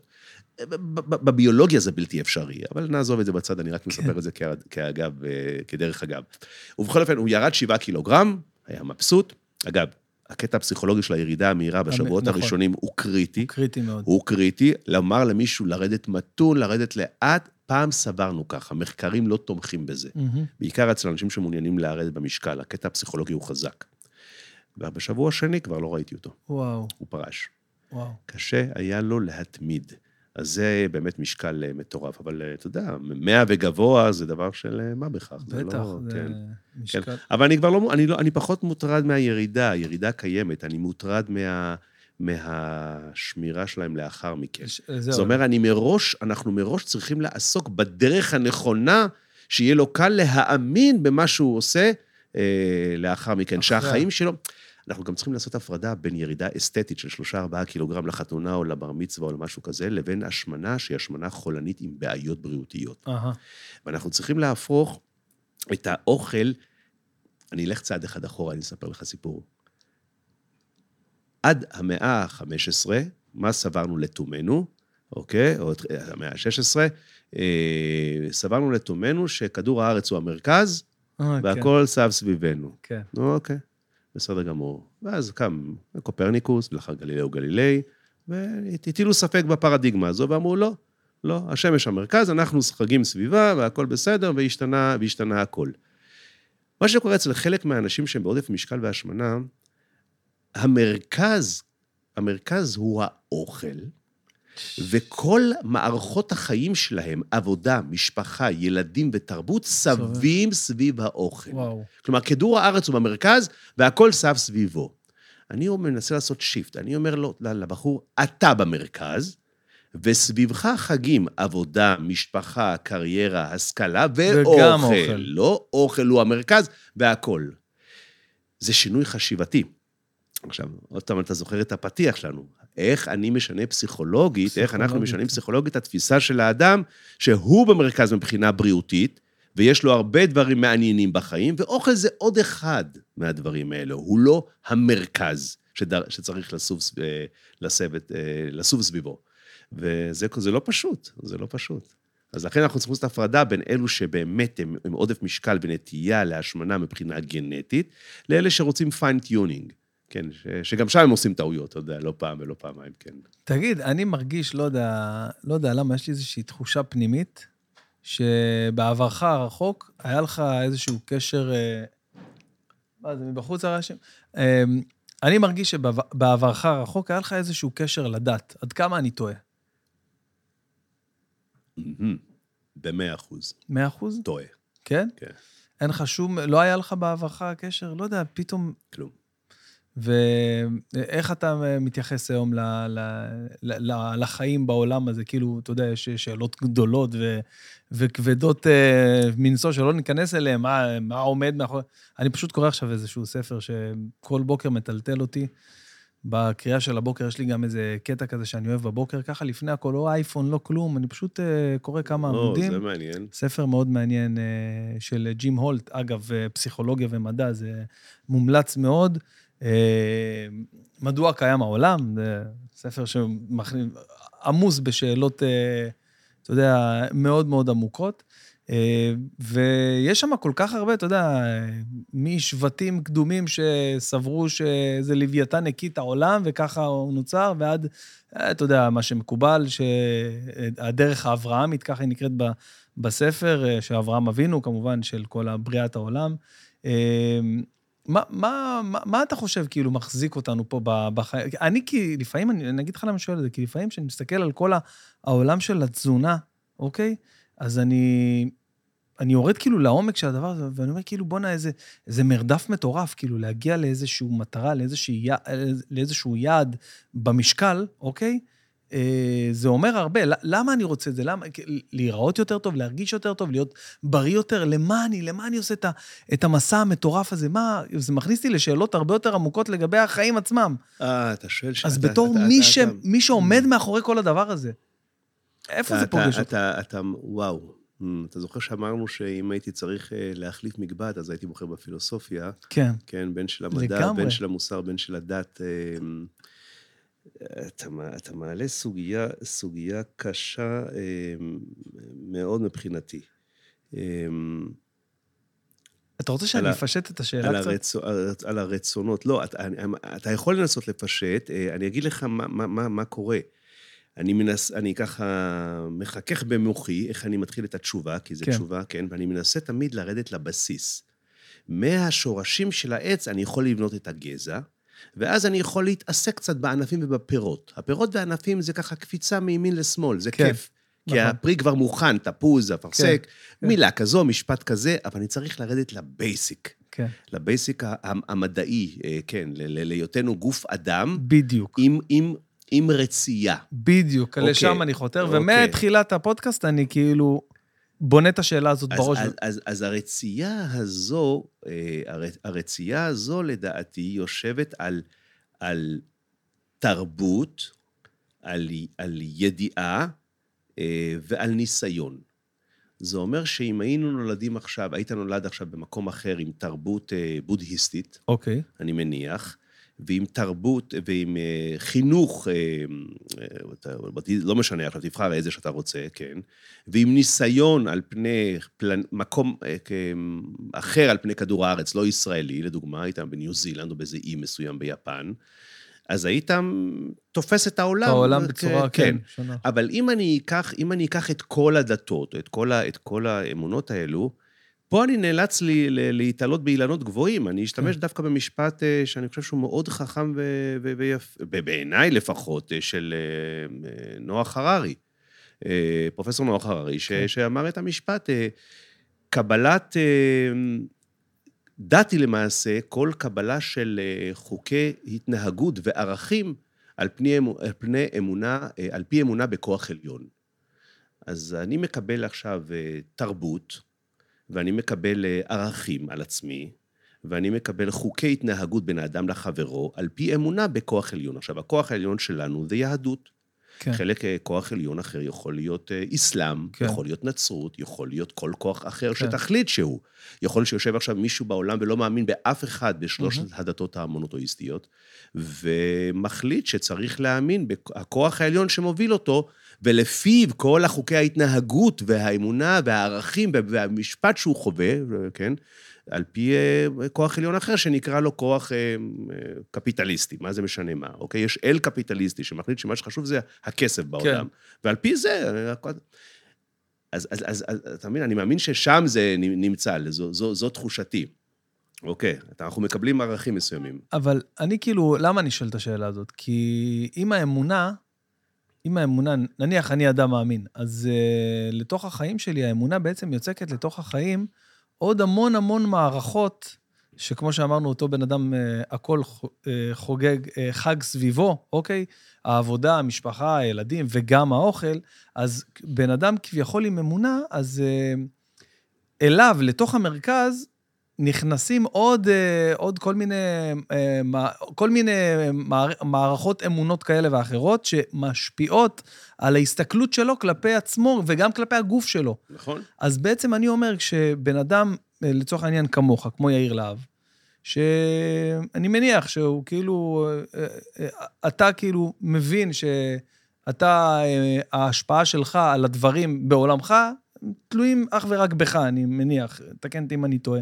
בגלל זה כאילו יש לך איזושהי אמונה ו- וכוח אחר, כוח מוטיבציה ו- ו- והתמדה, וכל הכוח בעצם שגורם לך להיראות כמו שאתה נראה ככה אה, כל כך הרבה שנים, אני מניח ש...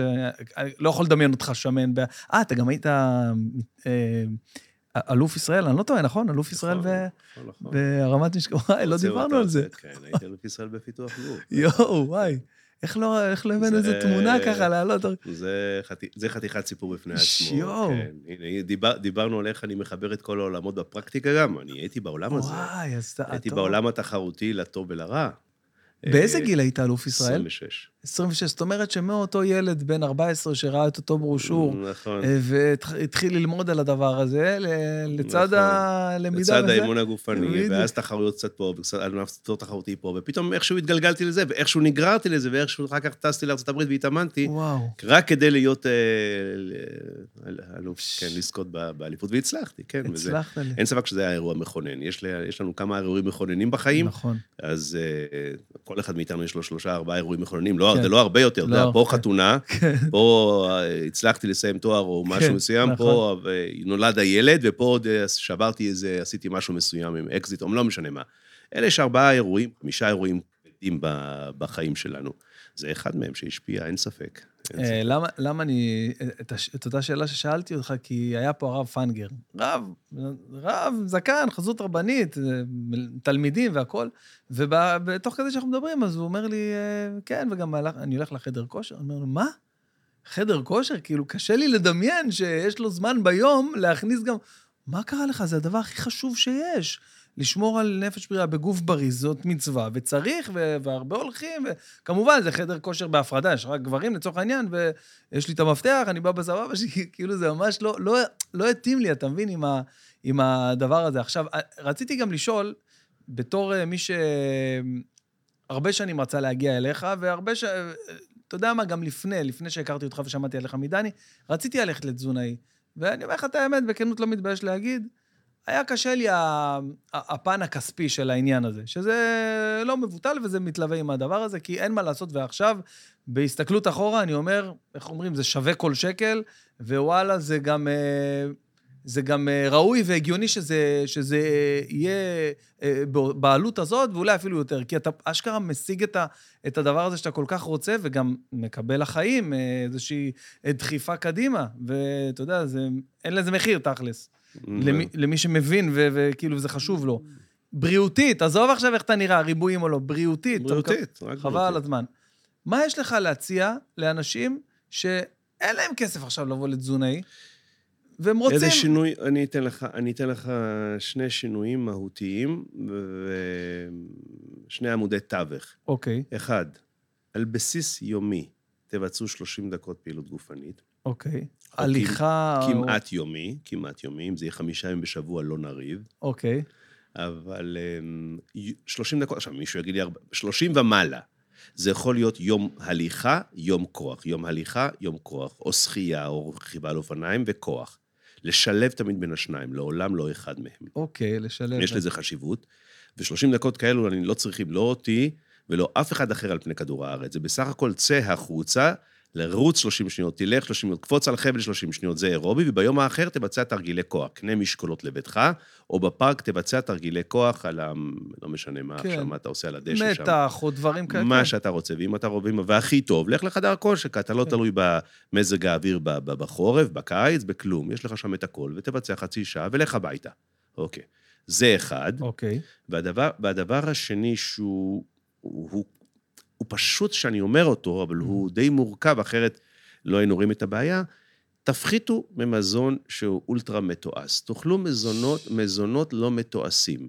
ואז יגידו לי, יאיר, כמה שקדים, כמה אגוזים, כמה אה, אבוקדו, כמה קטניות, כמה עדשים, כמה ביצים, כמה סלמון, כמה ירקות, כמה פירות, אני אגיד להם, חברים, אני לא נכנס לזה עכשיו. מהמם. תאכלו מזון לא מתועש. once תתחילו לה- להפחית מהמזון המתועש, ממשקאות ממותקים, מחטיפים שאנחנו אוכלים פה ושם. אני לא אמרתי לא לאכול קוביית שוקולד פעם ביום גם מצידי, כן? אהה, או כוס יין בסוף שבוע. אוקיי. תפחיתו במזון הלא מתועש הזה, האולטרה מתועש, באותו דוגמה- רגע... תן דוגמה רק של אחד מהם, כל- המבורגר של מקדונלד, נגיד. זה מתועש. כן, ברור, אז אני אומר, כן, תן כן, דוגמה, כן, כאילו. כן, אז אני, אז אני לא אומר שפעם ב- אל תאכל מה, לא, כן, אבל אה, כל מה שלא, כל מה שלא מתועש, כל מה שהייתי שם את זה לפני כמה, על מאות שנים או כמה, עשרות שנים על פני כדור הארץ, והיית אומר לי, זה אוכל רגיל.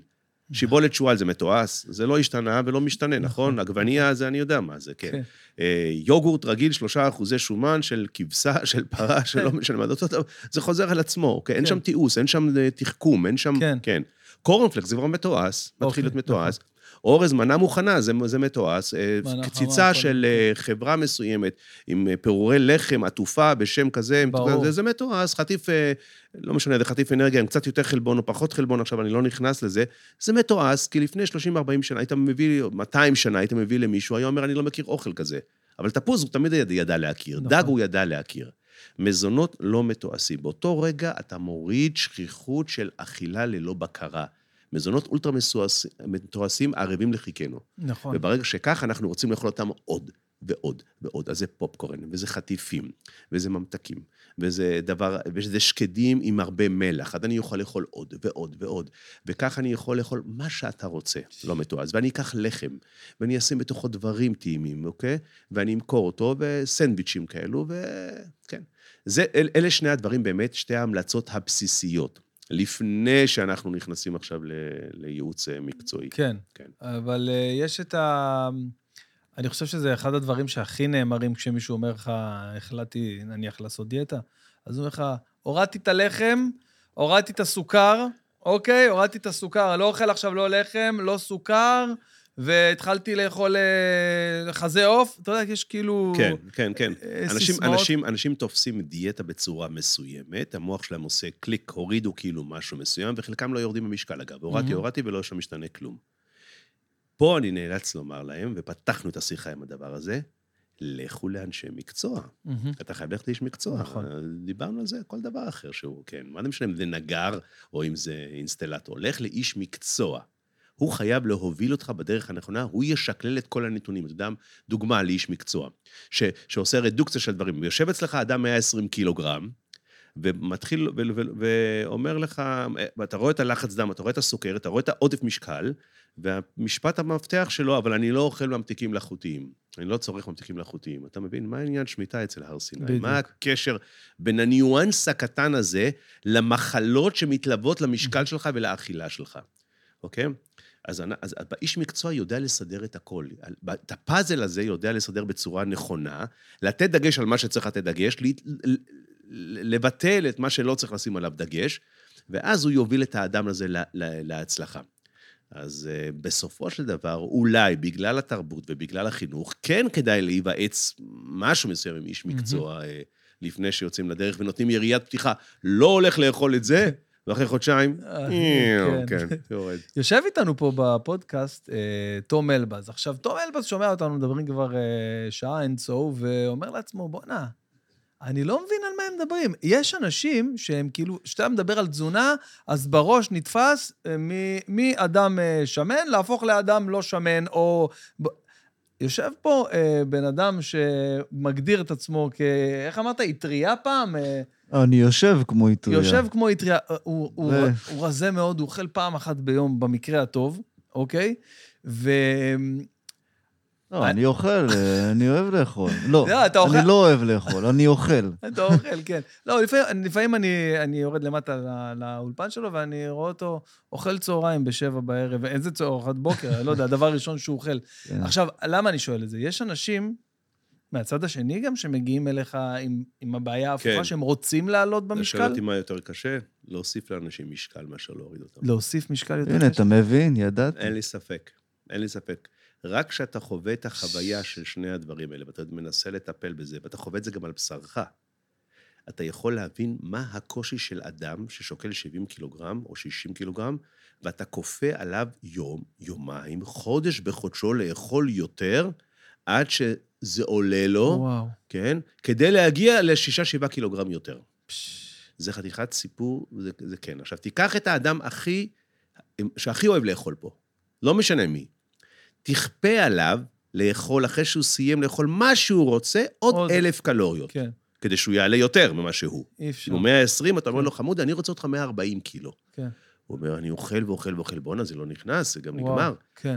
הקושי של האנשים הרזים לעלות, בעיניי, סובייקטיבית כמובן, הוא הרבה יותר קשה מאשר אה, להתחיל אה, לרדת. וגם לזה בעצם יש אה, כל מיני... אז כן, כן, כן. פה אתה חייב. עכשיו, פה אתה צריך גם לשלם להם את האימוני הכוח. כי אחרת הם יעלו רק בשומן, ואז הם יקבלו את הכרס הקטנה הזו. אה, אוקיי. ואז הם יהיו רזים, אבל שמנים. זה נקרא בשפה המקצועית normal weight obese. כן. כלומר, הם אנשים רזים, אבל הם שמנים. תגיד לי, איך הם רזים ושמנים ביחד? ה-BMI שלהם הוא תקין, אבל הם שמנים מבחינת עודף המשקל, מבחינת השומן, כמות השומן בגופם. אז זה אומר שאם אני לוקח אדם רזה כזה וגורם לו לעלות במשקל, כי הוא רוצה להיות יותר שרירי, ואתה סתם נותן לו יותר אוכל, הוא יקבל את הש- מהמם. השמנה בצורת קרס קטנה. נכון. עודף שומן. אז אתה חייב לכוון את זה שהעלייה תהיה רובה משרירים, ואז אתה צריך לבנות אימון כוח ולוודא שאכן יש עלייה ברקמת שריר. תגיד לי, אחת הבעיות הכי קשות לי באופן אישי, אני כבר מסתדר עם הכל, אני באמת כאילו, אה, אתה יודע, זה לוקח זמן. אה, לקח לי כמה חודשים טובים אה, ליהנות מזה גם. פתאום אתה כן. מתחיל ליהנות מזה. אבל קשה לי בבוקר, ה- הנס קפה, ל- ל- ל- לצרף אליו איזה, הקפה שאני שותה בבוקר, אני לא יודע, אין, אני לא מוצא מה לצרף, אלא אם כן אני לוקח לחם קל, ושם אותו נגיד בטוס, ו... אז קיבלת, אז מה שאמרת, קיבלת. הלאה. חיים פשוטים.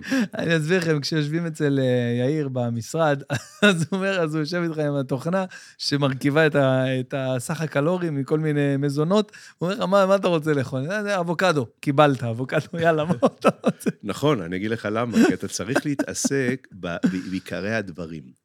הרי מה יש לנו פה? יש לנו פה ילד שנכשל פעם חמישית, פעם שישית במבחן. ואז אתה בא ואומר לו, לא אני אגיד לך מה לעשות, כי אתה נכשל, אתה, יש בעיה. אני, אתה תבחר איך אתה רוצה ללמוד, בארבע אחר הצהריים, בארבע. מה אתה רוצה? אתה בונה לו, תופר לו את ה... הכל אתה מסכים. בגבולות סבירים, אל תדאג, אני יודע מה אני עושה, כן. ואז אתה אומר לו, הנה, אתה רואה, הכל בסדר, הכל רגוע, אתה מוריד את מפלס החרדה. אתה לא לוקח לו, אתה נותן לו מה שהוא רוצה. אתה רוצה לאכול אבוקדו שלם בבוקר, יהיה אבוקדו שלם בבוקר. בריא? זה בריא, לי זה טוב, זה אוכל לא מתועד, זה רק בריא.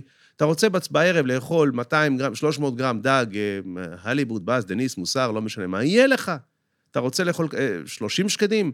תאכל 30 שקדים, אה, שישה אגוזי ברזיל, שמונה, תאכל, אין בעיה. אתה רק צריך לבנות את זה בצורה נכונה, שתגרום לו לקבל את כל מרכיבי המזון לפי גיל ומגדר, וגם לגרום לו בתהליך איטי לירידה במשקל.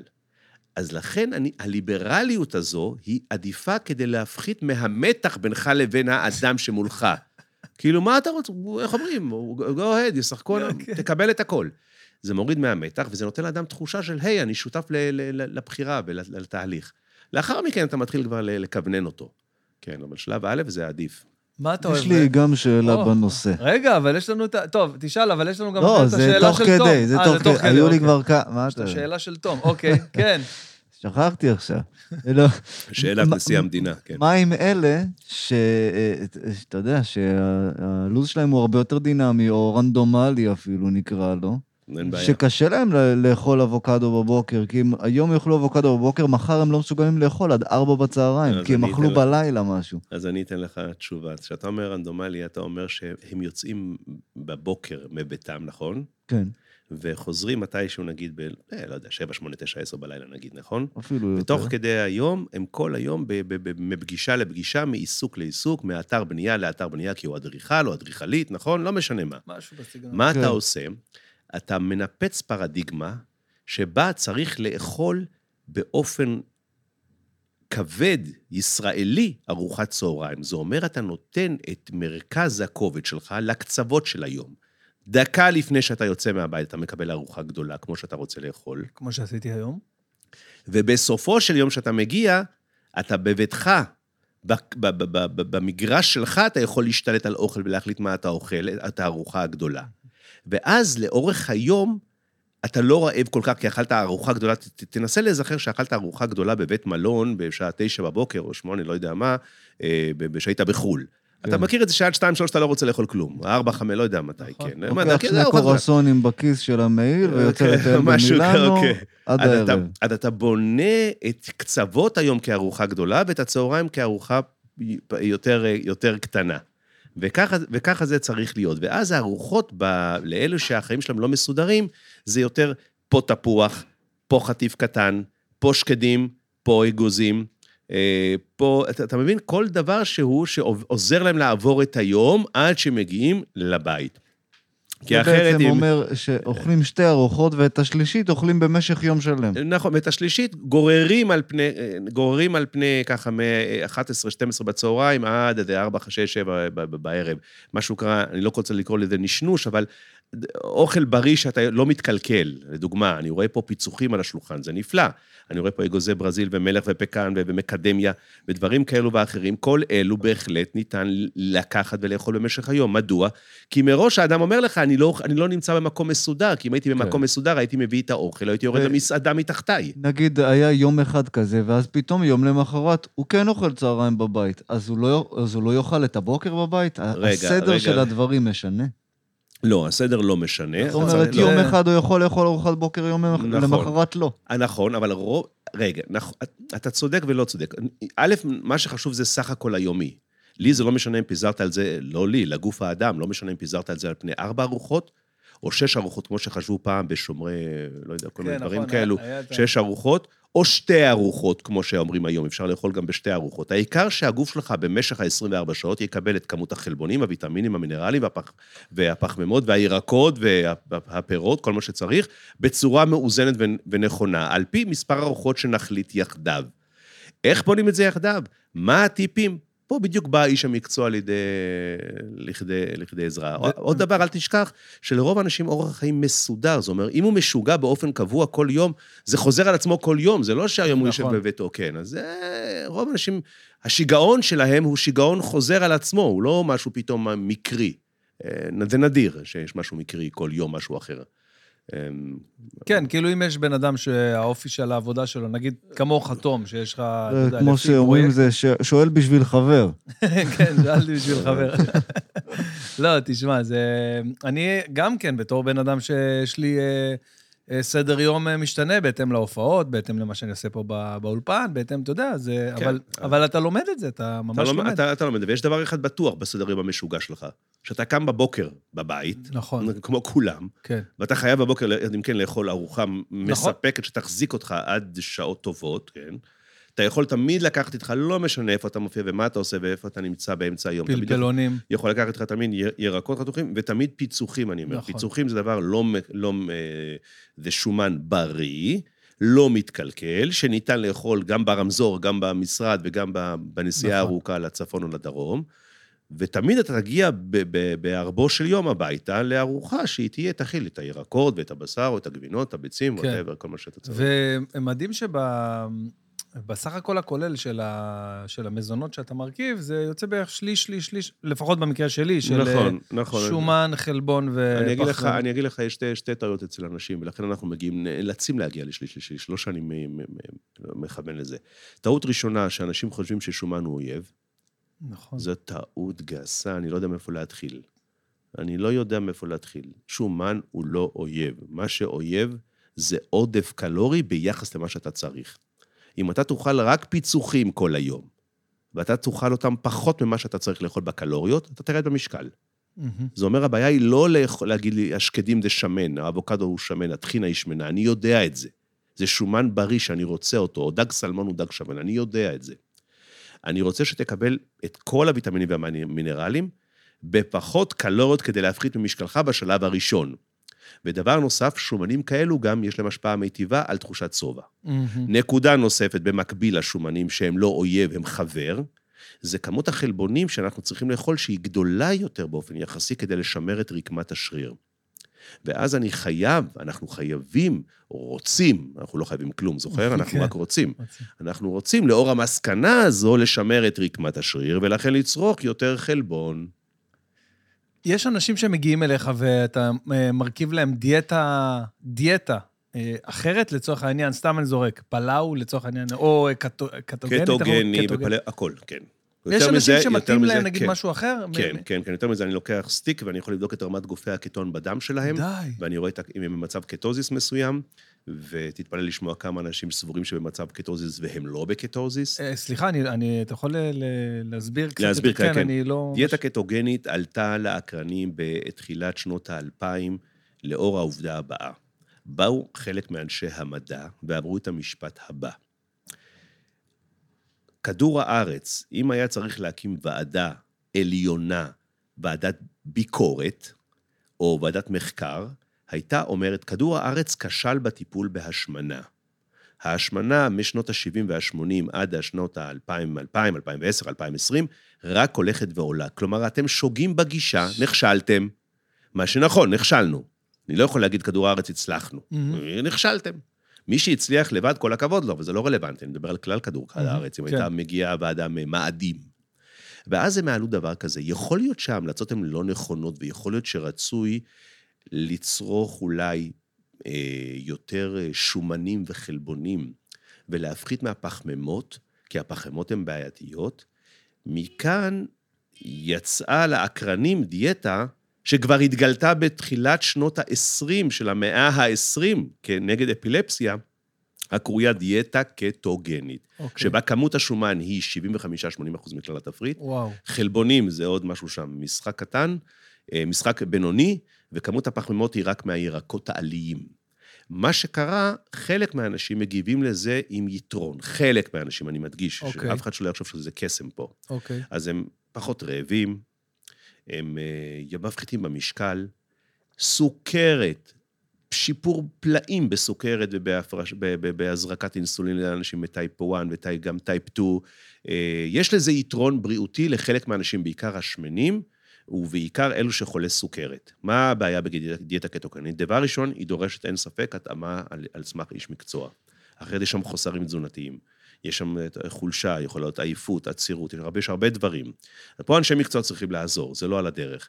ושנית, בלונגרן, האנשים לא מפחיתים יותר במשקל. כי אתה זוכר ממה נובעת ירידה במשקל? כן. מגירעון, מהסך הכל קלורי, הקלורי. כן. מתברר שבסוף הם, בסוף הם יורדים פחות או יותר זהה. עכשיו, כל אחד הולך ו- ו- ו- ומביע, וזורק את מרכולתו האינטלקטואלית לפייסבוק. מדוע? כן, נכון. מרכולתו האינטלקטואלית או הנפשית או התרבותית.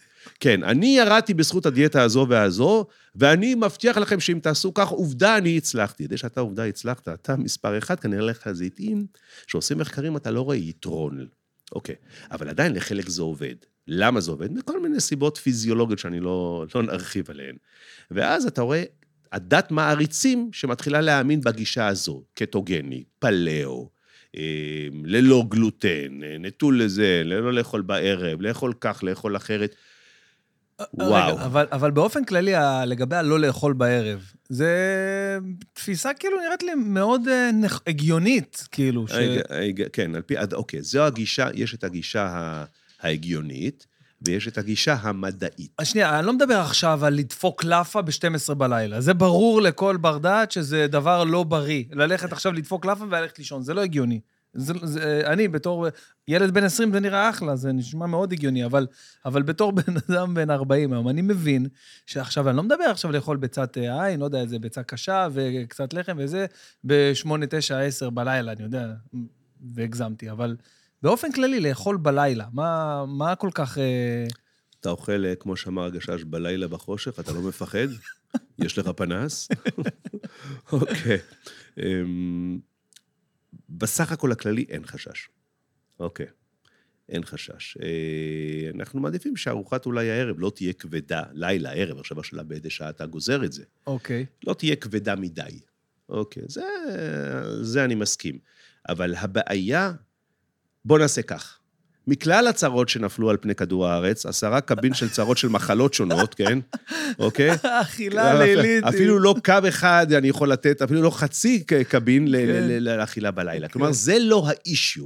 אחרי שנהיה רזים, נעשה ספורט, הכל בריא, הכל טוב, ותהיה לי בעיה, אני אגיד למישהו, תקשיב, שם בלילה תזוז שעה למטה, שעה למעלה. זה לא האישיו. אבל אנשים רואים את זה כצל הרים כהרים, זה המרכז.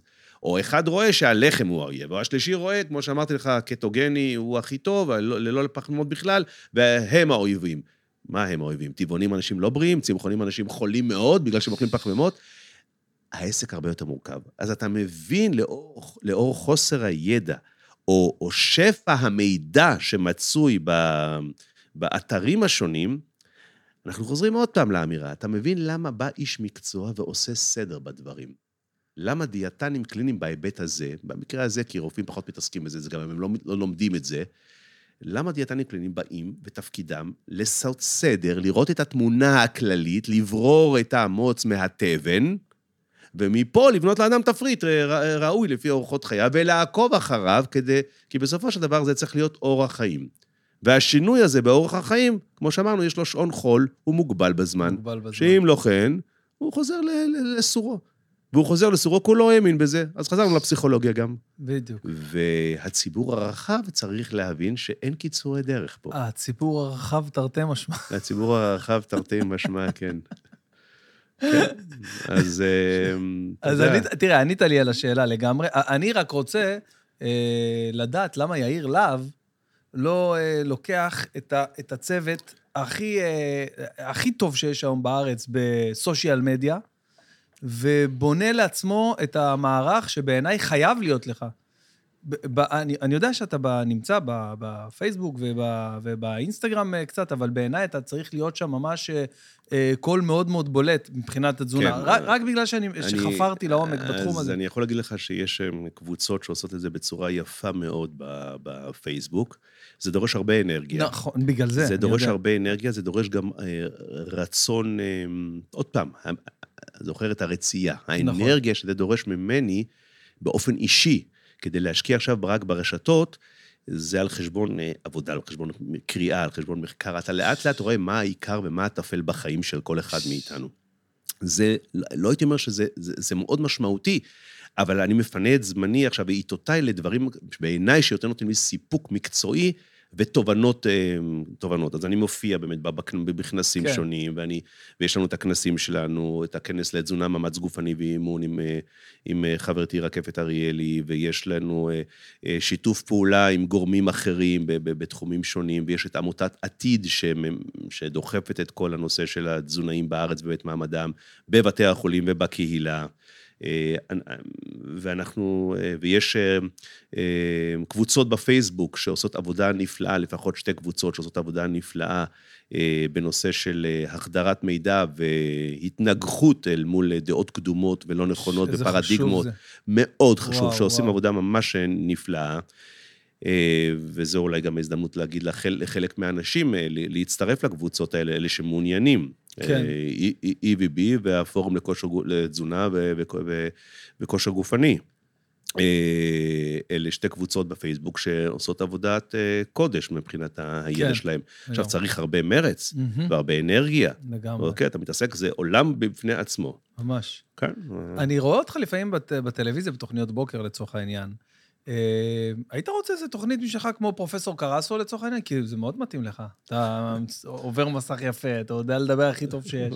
היית רוצה? סתם שואל, היית רוצה בזה? כאילו, תראה, אמ, להשפיע על ההמונים, כאילו... להעביר, מסר בתוכנית כזו, זה יכול להיות אה, אתגר מקצועי, כיפי, לקחת את אה, מגדל השן האקדמי ולהעביר אותו לפרקטיקה, לאוכלוסייה. בדיוק. זה יכול להיות אה, בהחלט אתגר. אתה יודע שעם אה, פניות תמיד יש אה, כאלו ואחרות, בטח לתוכניות בוקר אירוח, ויש לי כן. עשרות כאלה סרטונים ביוטיוב. כן, אמ, זה יכול להיות מע- מעניין, זה דורש, גם, פעם, דורש התגייסות את זה, זה לא פשוט, כן. לבנות כל פעם פרק מסוים. ב- אני יכול להניח שעד יומך האחרון, עד 120, עד יומך האחרון אתה דוגל בשיטת יאיר להב, עד יומך האחרון, כאילו אין מצב שעכשיו אתה בגיל, לא יודע, 85 תקבל סיבוב ותגיד, אני עכשיו אוכל מה בא לי, מתי שבא לי, איך שבא לי. או שזה יכול להיות, לא יודע. אה, אתה גונב לי את השאלה של אה, זה, של הרב פנגר. השאלה ש... א', אה, כן, שאלנו את זה את הרב פנגר, סיפרתי לך, הרב פנגר היה פה, שהוא עבר אה, אה, תהפוכות בחיים, היה מנזיר בודהיסטי עד לרב בישראל, ושאלנו אותו, אמרנו לו, תגיד, יש מצב ש... תחזור עוד הפעם? כאילו, גילית, יש מצב שזה תחנה סופית, או שאולי יהיה לך עוד איזה מסע, עוד איזה חיפוש? מעניין מה הייתה התשובה שלו. אז הוא אמר שהוא מצא את האמת. הוא אמר, אם מישהו יראה לי אמת אחרת ממה שאני מאמין עכשיו שהיא האמת הזה, אני, אני אלך ואני אראה. זו הייתה התשובה שלו. אמר, אני עכשיו מצאתי את האמת אז, שלי. אז, אז פה זה לא עניין של אמת, זה פה עניין של רצייה. אוקיי, אז כיוון שאני לא יכול לנבא אף פעם את כן, העתיד, זהו, אני יכול גם- להעריך את העתיד, אבל לא לנבא אותו, אז אני מעריך שזה לא יקרה, אבל הרציות יכולות להשתנות. אה, כן, האמת היא אותה אמת, היא לא משתנה. השאלה כמה אתה מוכן להשקיע באמת הזאת. בדיוק. כן. מה עושה לך כיף מבחינת חיי התרבות שלך, הפנאי, חיי הפנאי שלך, את ההצגות, אה, סרטים, מה אתה אוהב? אמ, אמ, סרט... אמ, תראה, נטפליקס, איך אתה בנטפליקס? יש לך זמן? נחמד פה, פה ושם, כן, לא כן. יש- דברים אה, מעניינים. אבל קריאה, אה, אה, מוזיקה ישראלית, אני ישנה, אני, זה בשבילי, אני מת על זה. כן? עכשיו היינו, היינו באופרה, יבגני אונייגין, ואנחנו מחכים ללטרוויאטה, כן, שזה מעניין. אבל אם אתה שואל אותי מה מרגש אותי, חוץ מהקריאה וספרות ודברים אחרים שלא קשורים לעולם שלי, לגילוי של איזה מולקולה מעניינת, ואיך היא עובדת, שזה כן. בשבילי אוריקה, אני ממש יכול לזרוח אחרי כמה שעות של קריאה של איך משהו עובד בגוף האדם, מה המנגנון. אמ, אז אה, מר- מרגשת אותי באמת השירה הישראלית, הארץ ישראל הישנה. כן, אני גם. אני בחדר כושר, תדע לך, שאומרים לי, אתה שומע בטח הארד רוק או משהו קשה שאתה עכשיו רץ, או שאתה מרים משקולת, לא, אני רץ על... אה, על אה, ארבע אחר אני הצהריים. רץ על ארבע אחר אם, הצהריים, אתה, כן. אם אני אגיד לך שגם אני ככה, אנשים, כן, לא, אנשים לא כן, יאמינו. מה כן. שאני שומע ב, ב, כן. באוזניות, אנשים לא יאמינו לי. לא, אני שומע את ליל חנייה, רק מהמילים מצטמרר, ומסביב למדורה של דורית ראובני זה בשבילי וואו, כן, ומקפלות המצנחים זה מטורף בעיניי, זה המוזיקה והשירים. עכשיו, המלל עושה לי את זה, המלל, כן. שאתה, מבין מה, יש אמ, אמ, במלל שם, זה... איפה גדלת בתור ילד? נהריה, בנהריה? כן. כן, צפון, כן. אתה יליד אה, ישראל? יליד נהריה לחלוטין. כן, יליד כן, נהריה. כן, כן. וואי, זה... כן, נהריה הייתה בתקופתו בגבולות ארץ ישראל, היא לא השתנתה. כן, לא היה- לא מה שאנחנו זוכרים. ומתי עברת בעצם למרכז? אמ, מיד אחרי, די אחרי צבא, מאז מעבר לארצות הברית, שם דיברנו על אימונים. כן, ואז, אתה יודע, שמתי לב בקליניקה, איך זה נקרא? אה, במרכז שלנו, שלך, ברמת החייל, כן. במרכז, של- המהמם שלך, אגב. אה, תודה, תודה. אה, אחי. גם כן הגיע אליך כמובן. אה, שחקן. כן, חבל על הזמן, והוא גם בטירוף, חבל על הזמן. אה, שמתי לב בקליניקה שלך למישהי מאוד מאוד מגניבה שם, יש שם איזה מישהי, איזה המזכירה האישית שלך. אמרתי שאני חייב לדבר, לדבר עליה בפודקאסט, אז אה, במקרה היא גם אה, אה, בת זוגתך לחיים. מה, זוגתי? מה זה, מה מה זה מזכיר? לא, זה, זה, נעמי, נעמי היקרה, וואי. זה החצי השני או. החצי הראשון, איך אתה רוצה? בדיוק, זה, תקשיב, זה לראות את שניכם ביחד. איך, זה- איך החוויה לעבוד עם, עם מטורפת וכיפית ואין כמותה. אין לי, אין לי, אין לי מילים, אין לי מילים. זה פעם ראשונה... איזה, לא- איזה זה- כיף לשמוע. אין לי מילים איך... אה, החיבור הנכון, התובנה וחוסר השחיקה, אף על פי שאנחנו באותו, אה, באותו עולם לכאורה, כל אחד יש לו את העולמות שלו, גם העולמות, העולמות הנוספים, המדע, המחקר, הלמידה שלה, עכשיו, לדוגמה, בתואר שלי במגדר, כן, נכון. שהיא עוסקת בזה, והחיכוכים האינטלקטואליים הם אלו שמפרים את המערכת כל הזמן. העבודה זה, זה, זה, פאזל, זה פאזל אחד בכל, בכל העולם הזה, וזה נעשה בצורה אה, נפלאה. מבחינה זו היא בת זוג, אה, זו- זו- זוגתי הנ- הנפלאה. איפה, איך הכרתם לפני אה, או, לימודים? או- אה, שנים בווינגייט, כן. בווינגייט, כן, זהו. כן, כן. כי היא גם אה, נראית כזאת אה, כן, ספורטיבית גם, כן. כן. כן, היא הלכה, אה, כן. אז אתה ממליץ, מי שיש לו את ההזדמנות לעבוד, כי יש הרבה, שאתה יודע, שאומרים שזה לא עושה טוב לזוגיות לעבוד ביחד, אני לא, אבל... לא, אני לא, אני לא אמליץ ואני לא לא אמליץ, אני אומר. שבהיבט הזה, החיבור שלנו יחדיו, אה, עם האופי והאישיות כן. משתלב נפלא, נפלא. ממש אה, נפלא. יש דברים שזה לא יהיה, אני מניח שזה כן. פה אני זהיר. המלצה זה דבר מאוד, אה, אתה יודע, חמקמק. טוב, כן. הגענו אה, לקראת אה, סופו, סופו של הפוד. קודם כל, אני מה זה שמח שבאת, ולכבוד הוא לי, וממש נהניתי. בואנה, זה חתיכת זמן, תגיד, לא ברור. כדאי שתחלק את הפודקאסט הזה מה לשניים? פתאום? זה מי איך, זה שרוצה, מי- זה- אתה נכנס לאוטו, שומע חלק, הוא יוצא מהאוטו, זה- חוזר שם. כולם שואלים את זה. כן, כן. לא, אנשים- אני פשוט אומר אני, לעצמי... אני, אני- מחנך את הקהל פה בארץ. בדרך כלל פודקאסט, האורך הטבעי שלו זה שלוש וחצי שעות. לאט לאט נגיע לזה גם. לק- לקראת הסוף, לקראת הסוף אני רוצה, אה, הגענו לשאלה של תום, אבל אה, לקחתי אני לך כבר אותה? שאלתי אה, אז אותה. לקחתי לך את השאלה. אז, אני אה, הזמינו אצלי אחת. שאלה אחת. אז לפני זה, כמובן, נגיד תודה לכל הספונסרים של הפודקאסט. Uh, לג'ייקוב רהיטים, שזה רהיטי יוקרה ש... וואלה, אולי זה יכול לעניין אותך, יש להם דברים מטורפים. גם uh, כל הדברים שיש פה בסטודיו, uh, האקוסטיקה של רוטנברג, השטיחים של שליש גן עד... השטיחים, לא, לא. התבלבלתי, עם שתי ספונסרים שונים, השטיחים של השטיח האדום. אה, אה, שליש גן עדן, אתר ההיכרויות, שגם כן אה, הוא הספונסר שלנו, אה, שלא משאיר אף זוג רווק בישראל, באמת זה משהו, זה אומנם התחיל בציבור הדתי, אבל זה כבר נהיה אה, כאש, פרץ כאש בשדה שדה קוצים. אה, ניגי, הכיסאות, שאלת לגבי הכיסאות. תום, אל תשאל, הכיסא שלך עושה דרכו ברגעים אלה ממש. באיזה צבע? שחור נראה לי, לא? תקשיב, מטורף. מטורף, זה- נכון? זה כן. כיסא מיוחד שמביאים מהונגריה. אה, לגמרי. יש יבואן אחד בארץ שמביא אותו, קוראים לו ניגי, הרמות ושינוע, יש להם כל מיני דברים, שולחנות אה, מתכווננים כאלה. אתה מכיר את השולחנות של ה- של העמידה, שאתה לוחץ על כן, כפתור? ו- כן, כן. גם דברים מגניבים אבל זה כיסא וכיסאות. מאוד כן, הוא מאוד מעניין, אורתופדי מאוד. אה. אה, כן, מאוד מאוד שווה. ושכחתי מישהו? לא, לא שכחתי, אבל... אה, אבל זהו, אז זה חשוב להגיד שאלה- תודה שאלה- לכולם. שאלה- שאלה כן. שאלה הכי קצרה. כן. מה הדבר המרכזי שעושה לך ברק בעיניים כשאתה קם כל בוקר? איזה שאלה. זה יהיה כזה קיצ'י ונדוש. לא קיצ'י ונדוש. גם אני- בסופו של דבר אתה יכול לזקק את הכל למילה, נכון. למשהו אחד פשוט. נכון לעכשיו, איפה שאני נמצא, הילדים שלי. אמרת את הכל. ממש, אבל. הנה. ממש ככה. ואני אגיד לך יותר מזה, שאתה אומר ברק והניצוץ בעיניים, אני נמצא עכשיו בשלב שזה פיזית הילדים שלי, כי אני מתעורר בבוקר עם איזה של... שניים או שלושה עליי. הם אה, הקטנים, כאילו, אני מדבר על אה, הלל שהוא בן שלוש, וגילי שהיא קצת יותר גדולה, בת חמש, שש. עליי, עליי, הם ישנים עליי, הם באים במהלך הלילה, אני לא מרגיש עכשיו... שירן ישנה לידי, והם לא באים אליה. היא אמרה להם, לא, אז הם באים עליי, הם ישנים עליי במיטה שם. מזל שהמיטה קצת גדולה ויש מקום ל...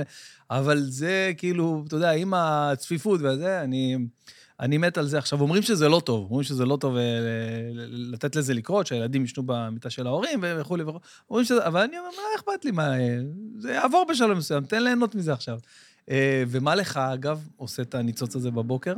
זו שאלה, שאלה, שאלה מורכבת. אה, הניצ- הניצוץ, הניצוץ זה לגלות כל הזמן זה משהו. תראה, הקטע המשפחתי הוא ברור, ה- הילדים, האישה, הכל, הכל העסק, אבל מה ניצוץ? מה... כן. כן.